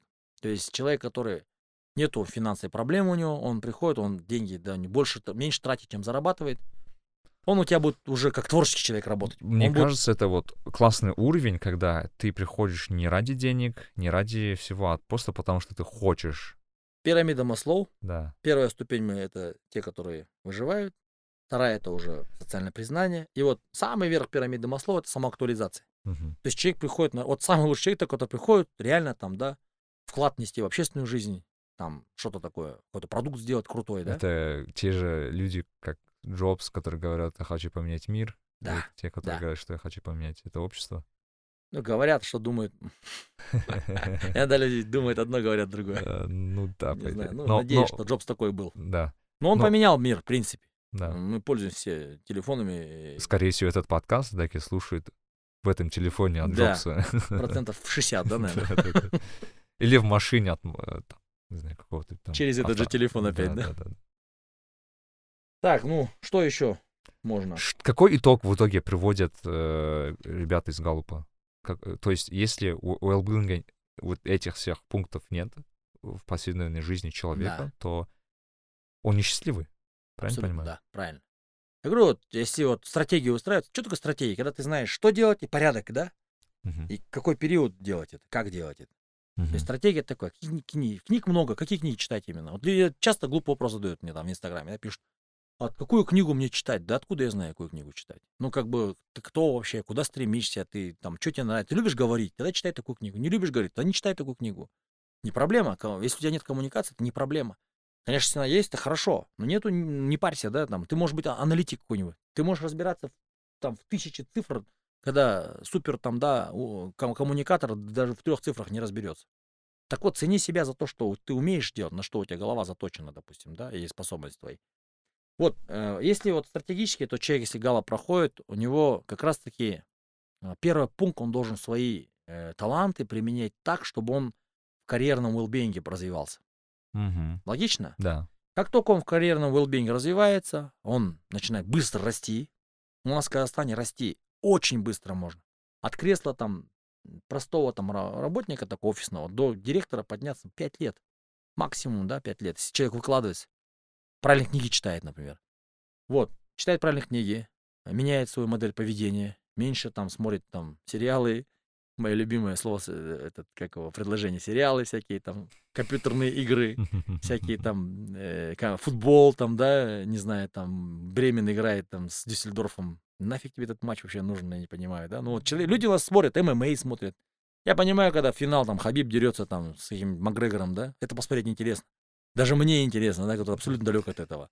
Но когда там какие-то чуваки там Как-то пятого есть какой-то ажиотаж, да, в этом? Ну это, Мгм. опять же, это эффект толпы же, Да, это да. конвергентное отношение, а, как, как все, да. Все смотрят, я почему должен... Сейчас они будут за столом говорить, а там о каком-то... Ну, это больше такой, типа, чтобы быть в теме. Да. Ну, это болезнь же тоже. Это, Да. значит, у тебя какие-то комплексы есть, что ты что-то не знаешь, правильно? Ты должен в тренде оставаться. Например, я прихожу, говорю, я вообще не знаю, что за бойцы, нормально, да. про кого, да мне пофигу, да, про кого вы там говорите. Да, Ну, я могу по- другие вещи тебе там сказать. Я сейчас просто подумал, такие вот, нас же часто вот э, книги пишут про счастье, у нас часто, блин, эти блогеры там про там марафоны всякие делают и так далее. По сути, мы сейчас разобрали на кусочки, что такое Пять счастье. слагаемых. Да. Как можно стать счастливым с научной точки зрения, правильно? Да, научные. Вот Это э, доказано годами. если у нас SQ добавить духовный интеллект, это вера. Она вообще превыше всего. То есть она все эти вещи может регулировать. Это такой оболочка. Собирающая, оболочка собирающая Окей. такая, да. Ну, они никто не, не исследование. Кстати, вот я думаю, что пошли уже исследования в Америке где-то там а, по духовному интеллекту, но они еще долго будут изучать. Это, не- они же не отрицают же там тот же Коран, ту же Библию, как, как священное писание, да, которое не имеет там божественное происхождение. они, Ну, они же это не отрицают, да, поэтому да. они долго будут идти. Да. В общем, итог, ребята, надо работать, надо а, общаться с качественными, правильными людьми, надо финансово быть грамотным, э, надо быть здоровым, Здоровым, правильно питаться, спортивным. правильно спать, быть спортивным и быть полезным обществу, жить в нормальном городе, нормально дышать, пить, во- э, пить воду, дышать воздухом. Все верно, Да, все верно. ребята, вот такой итог у нас. Классно, да? Ну, ми- ми- ми- для меня, мне кажется, супер полезно было такое. Иншаллах. Да. Надеюсь, что люди смогут почерпнуть. Просто эта тема такая важная, и я вот так с ребятами разговариваю. Многие о деньгах говорят. Они, во-первых, не понимают, что та же карьера тебе поможет те, же- те же деньги заработать. Та же карьера помогает тебе социальное благополучие. Ты когда специалист, красавчик, там, да, нормальный человек, с тобой все хотят общаться, к тебе обращаются по твоей теме. Ты также обращаешь к другому профессионалу по его теме. Хочешь машину купить, ты не разбираешься. Ты звонишь человеку, который разбирается, ну, слушай, брат, подскажи там. Ну, он скажет, ты такой не бери, вот такую бери. Все. Теперь он тебе звонит, говорит, слушай, у меня тут такая-то программа не работает. Что может? Ты ему говоришь, слушай, вот там нажми кнопку вот эту. Вот Ты же идешь к врачу какому-нибудь, лору, да, у меня нос забит, он тебе говорит, вот такое лекарство. А никакой попало лора, а именно специалист. Все, когда ты хороший специалист, тебя все любят, все уважают, все ценят, у тебя и деньги есть, правильно, тебе платят, потому что у тебя как бы и ты за собой следишь, когда бабки есть, ты можешь как бы и какие-то витамины купить, не знаю, какие питание хорошее купить себе. Правильно, уровень сознания высокий, ты не мучаешься, да, что вот выживаешь. А когда у тебя опять же деньги есть, ты можешь и в хорошем районе квартиру купить, правильно же? Ну да. Это все, все, все, все, вот как бы. Вот я, например, тоже я вижу машины, которые дымят на дороге, да, едут. Он, во-первых, задымляет дорогу всю. Да. Я не понимаю, почему э, экологи не работают, да, вот есть же автомобиль. Ну ты да, мне прям по Альфа-Ромео едешь, прям у тебя... фу. Хуже всего этот человек же, он же, часть же дыма попадает в машину же. Да. Она же не герметичная у него, она уже старая. То есть часть по-любому, вот как не едешь, стоишь, у тебя, вот, ты вот едешь вот в этом облаке. Собираешь эту... Да, и ты дышишь. Вот, тут, может, у тебя денег нету на более там качественную машину. но Ты, естественно, едешь на старой, там, на Рухляде, да, и она у тебя воняет, допустим, тем же выхлопными газами. Они очень вредные, очень вредные. Мгм. Аллергии, кстати, вот я тоже мне рассказывал один аллерголог. Это в Алмате почему аллергии появляются? Вот именно пыльца прилетает за города, Мгм. растение, она вот вступает в соединение, не знаю, как она вступает. Вот биологическая часть вот с этой вот органической выхлопами бензина, да, она вступает, и когда мы этим дышим, она в организме где-то оседает, и Мгм. организм видит вот этот элемент этого И соединения. пытается вытащить, да? его? Траву эту, не, он видит как врага Мгм. как, как ино- инородный, и он начинает аллергическую реакцию включать. То есть не тра- трава, она не сама по себе раздражает, а вот именно попадая, попадая, соединяясь с выхлопом бензина, она... Ну, это вот мне один аллерголог сказал. Короче, сколько в организме происходит какой-то конфликт между да, этими. то есть вот, скажем, вот два компонента вот эти вот, один бензиновый, другой э, травяной, да, вот пыльца. Организм вот это соединение видит, и он видит эту пыльцовую сторону. Это, кстати, удивительно, что, типа, например, э, у меня есть один друг, э, вот он в Голландии тоже живет, но у него есть аллергия в Алмате только. Он Вот. едет в Амстердам, Вот. у него нет аллергии. Ну, Кажется, это, это потому, что в Амстердаме нет трав, которые здесь есть. А, м. Из-за этого, скорее. Потому что А, аллергия а, на траву определенно идет. там другие травы. Знаю, какие травы у вас там. Да, да. Еда там немного другая. Э, Да. э, а, Мне кажется, мы много чего рассказали. Даке Кобр Ахмед, что сегодня при- приехали, рассказали нам. Очень полезно было. И Да, мне кажется, за внимание тоже. Да. Мне кажется, это супер-супер важная тема, особенно в наши дни, э, когда люди становятся очень нервными, очень нездоровыми э, и так далее. А, Несмотря на то, что у нас сегодня подкаст был 99% на, на русском, у нас есть, э, скажем, партнер-проект Хазна KZ. Хазна KZ, э, он продает, ну, продает вообще книги на казахском. только Это на классно. казахском. Это классно. Не, у нас казахоязычное население растет, и я Да. думаю, это очень актуально. Мазмун дома, кстати, тоже Мазмун дома Ребята, классно, да. классно делают. Можно даже их купить тоже, да, в Хазне. Э, У нас классные условия. Мы каждый э, эпизод разыгрываем какие-то книги. И ам, просто интересно, какие вы книги можете посоветовать, наверное. Ну, Какие из мы- тех, которые есть, Ну, вообще, да. я просто не знаю, какие книги там есть. Возможно, они Вообще, там есть, я бы очень есть. посоветовал мы- слова назидания Абая. Окей, Это хорошо, просто супер. Это кладезь. Прям нужно каждое слово читать и вдумываться. Мгм. Ну, для людей, кто немножко любит размышлять. скажем. Да. Вот Стив Джобс, наверное, книга тоже хорошая. Ну, стоит прочитать. Биография. Биографическая книжка такая. Ну, не знаю, кочевник, если есть, тоже. Кушпиндлер. Кышпиндлер. Да. Историческая книга. Кто любит историю, прям тоже надо все три книги прочитать. Но я Меня, кстати, очень часто этот, так задевает. Я не читал эту книгу. Мне говорят, как ты не читал Это хорошая книгу?» книга. Симберлин. А, Путь Абая, кстати, тоже хорошая книга. Абай Жол. Ага. Ну, это такие, вот они легкие. Да. То есть они не какие-то там научные книги, да. Окей. Это чисто такая художественная литература, но она им- ис- исторический оттенок и такой традиционно-культурный, скажем, оттенок имеет. Окей. Ну вот. Окей. книг Хорошо, тогда давайте, ребята, после подкаста выйдет подкаст, у нас в Инстаграме будет пост об условиях, как можно выиграть эти книги, которые рассказал Даке. Есть такие книги, да? Да, они будут. А, ну мне всё, кажется, мы разыграем их. Вот. Большое спасибо. Всё, Всем жақсы. спасибо. Делитесь, пишите. а, Оставляйте лайки, Сдавайте галупы, на да. канал.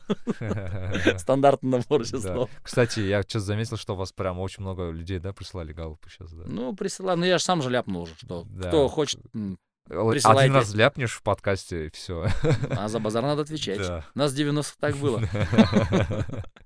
Вот, ребят, давайте раз саморазвитием заниматься, читать книги. Вот, все, что мы сегодня сказали, применять это в жизни. Самое главное. Всем большое рахмет, Рахмет. спасибо. Спасибо. Кстати, хочу добавить, у Даке есть свой подкаст. Дивергент.kz. Дивергент. Да, Но вот это хочу. не мой подкаст, это ребята больше Да, вот. работают. Но спикер там Даке. Я вот Да. хочу Они мини там, такой. там формат другой, коротенькие они. Да. По 5, 10, 15 минут. Я начал слушать, очень классно. Да. Ну, у нас немножко качество записи не то, но мы работаем над этим. Э, Мне кажется, там не, не качество важно, там важно, кто спикер. Э, Да. Ребят, слушайте подкаст Дивергент подкаст. Мне кажется, очень интересно. И Будьте дивергентом. Все. Всем рахмет. Всем большое Всем рахмет, пока. спасибо. нарик билай кәсіби және рухани даму жайлы подкаст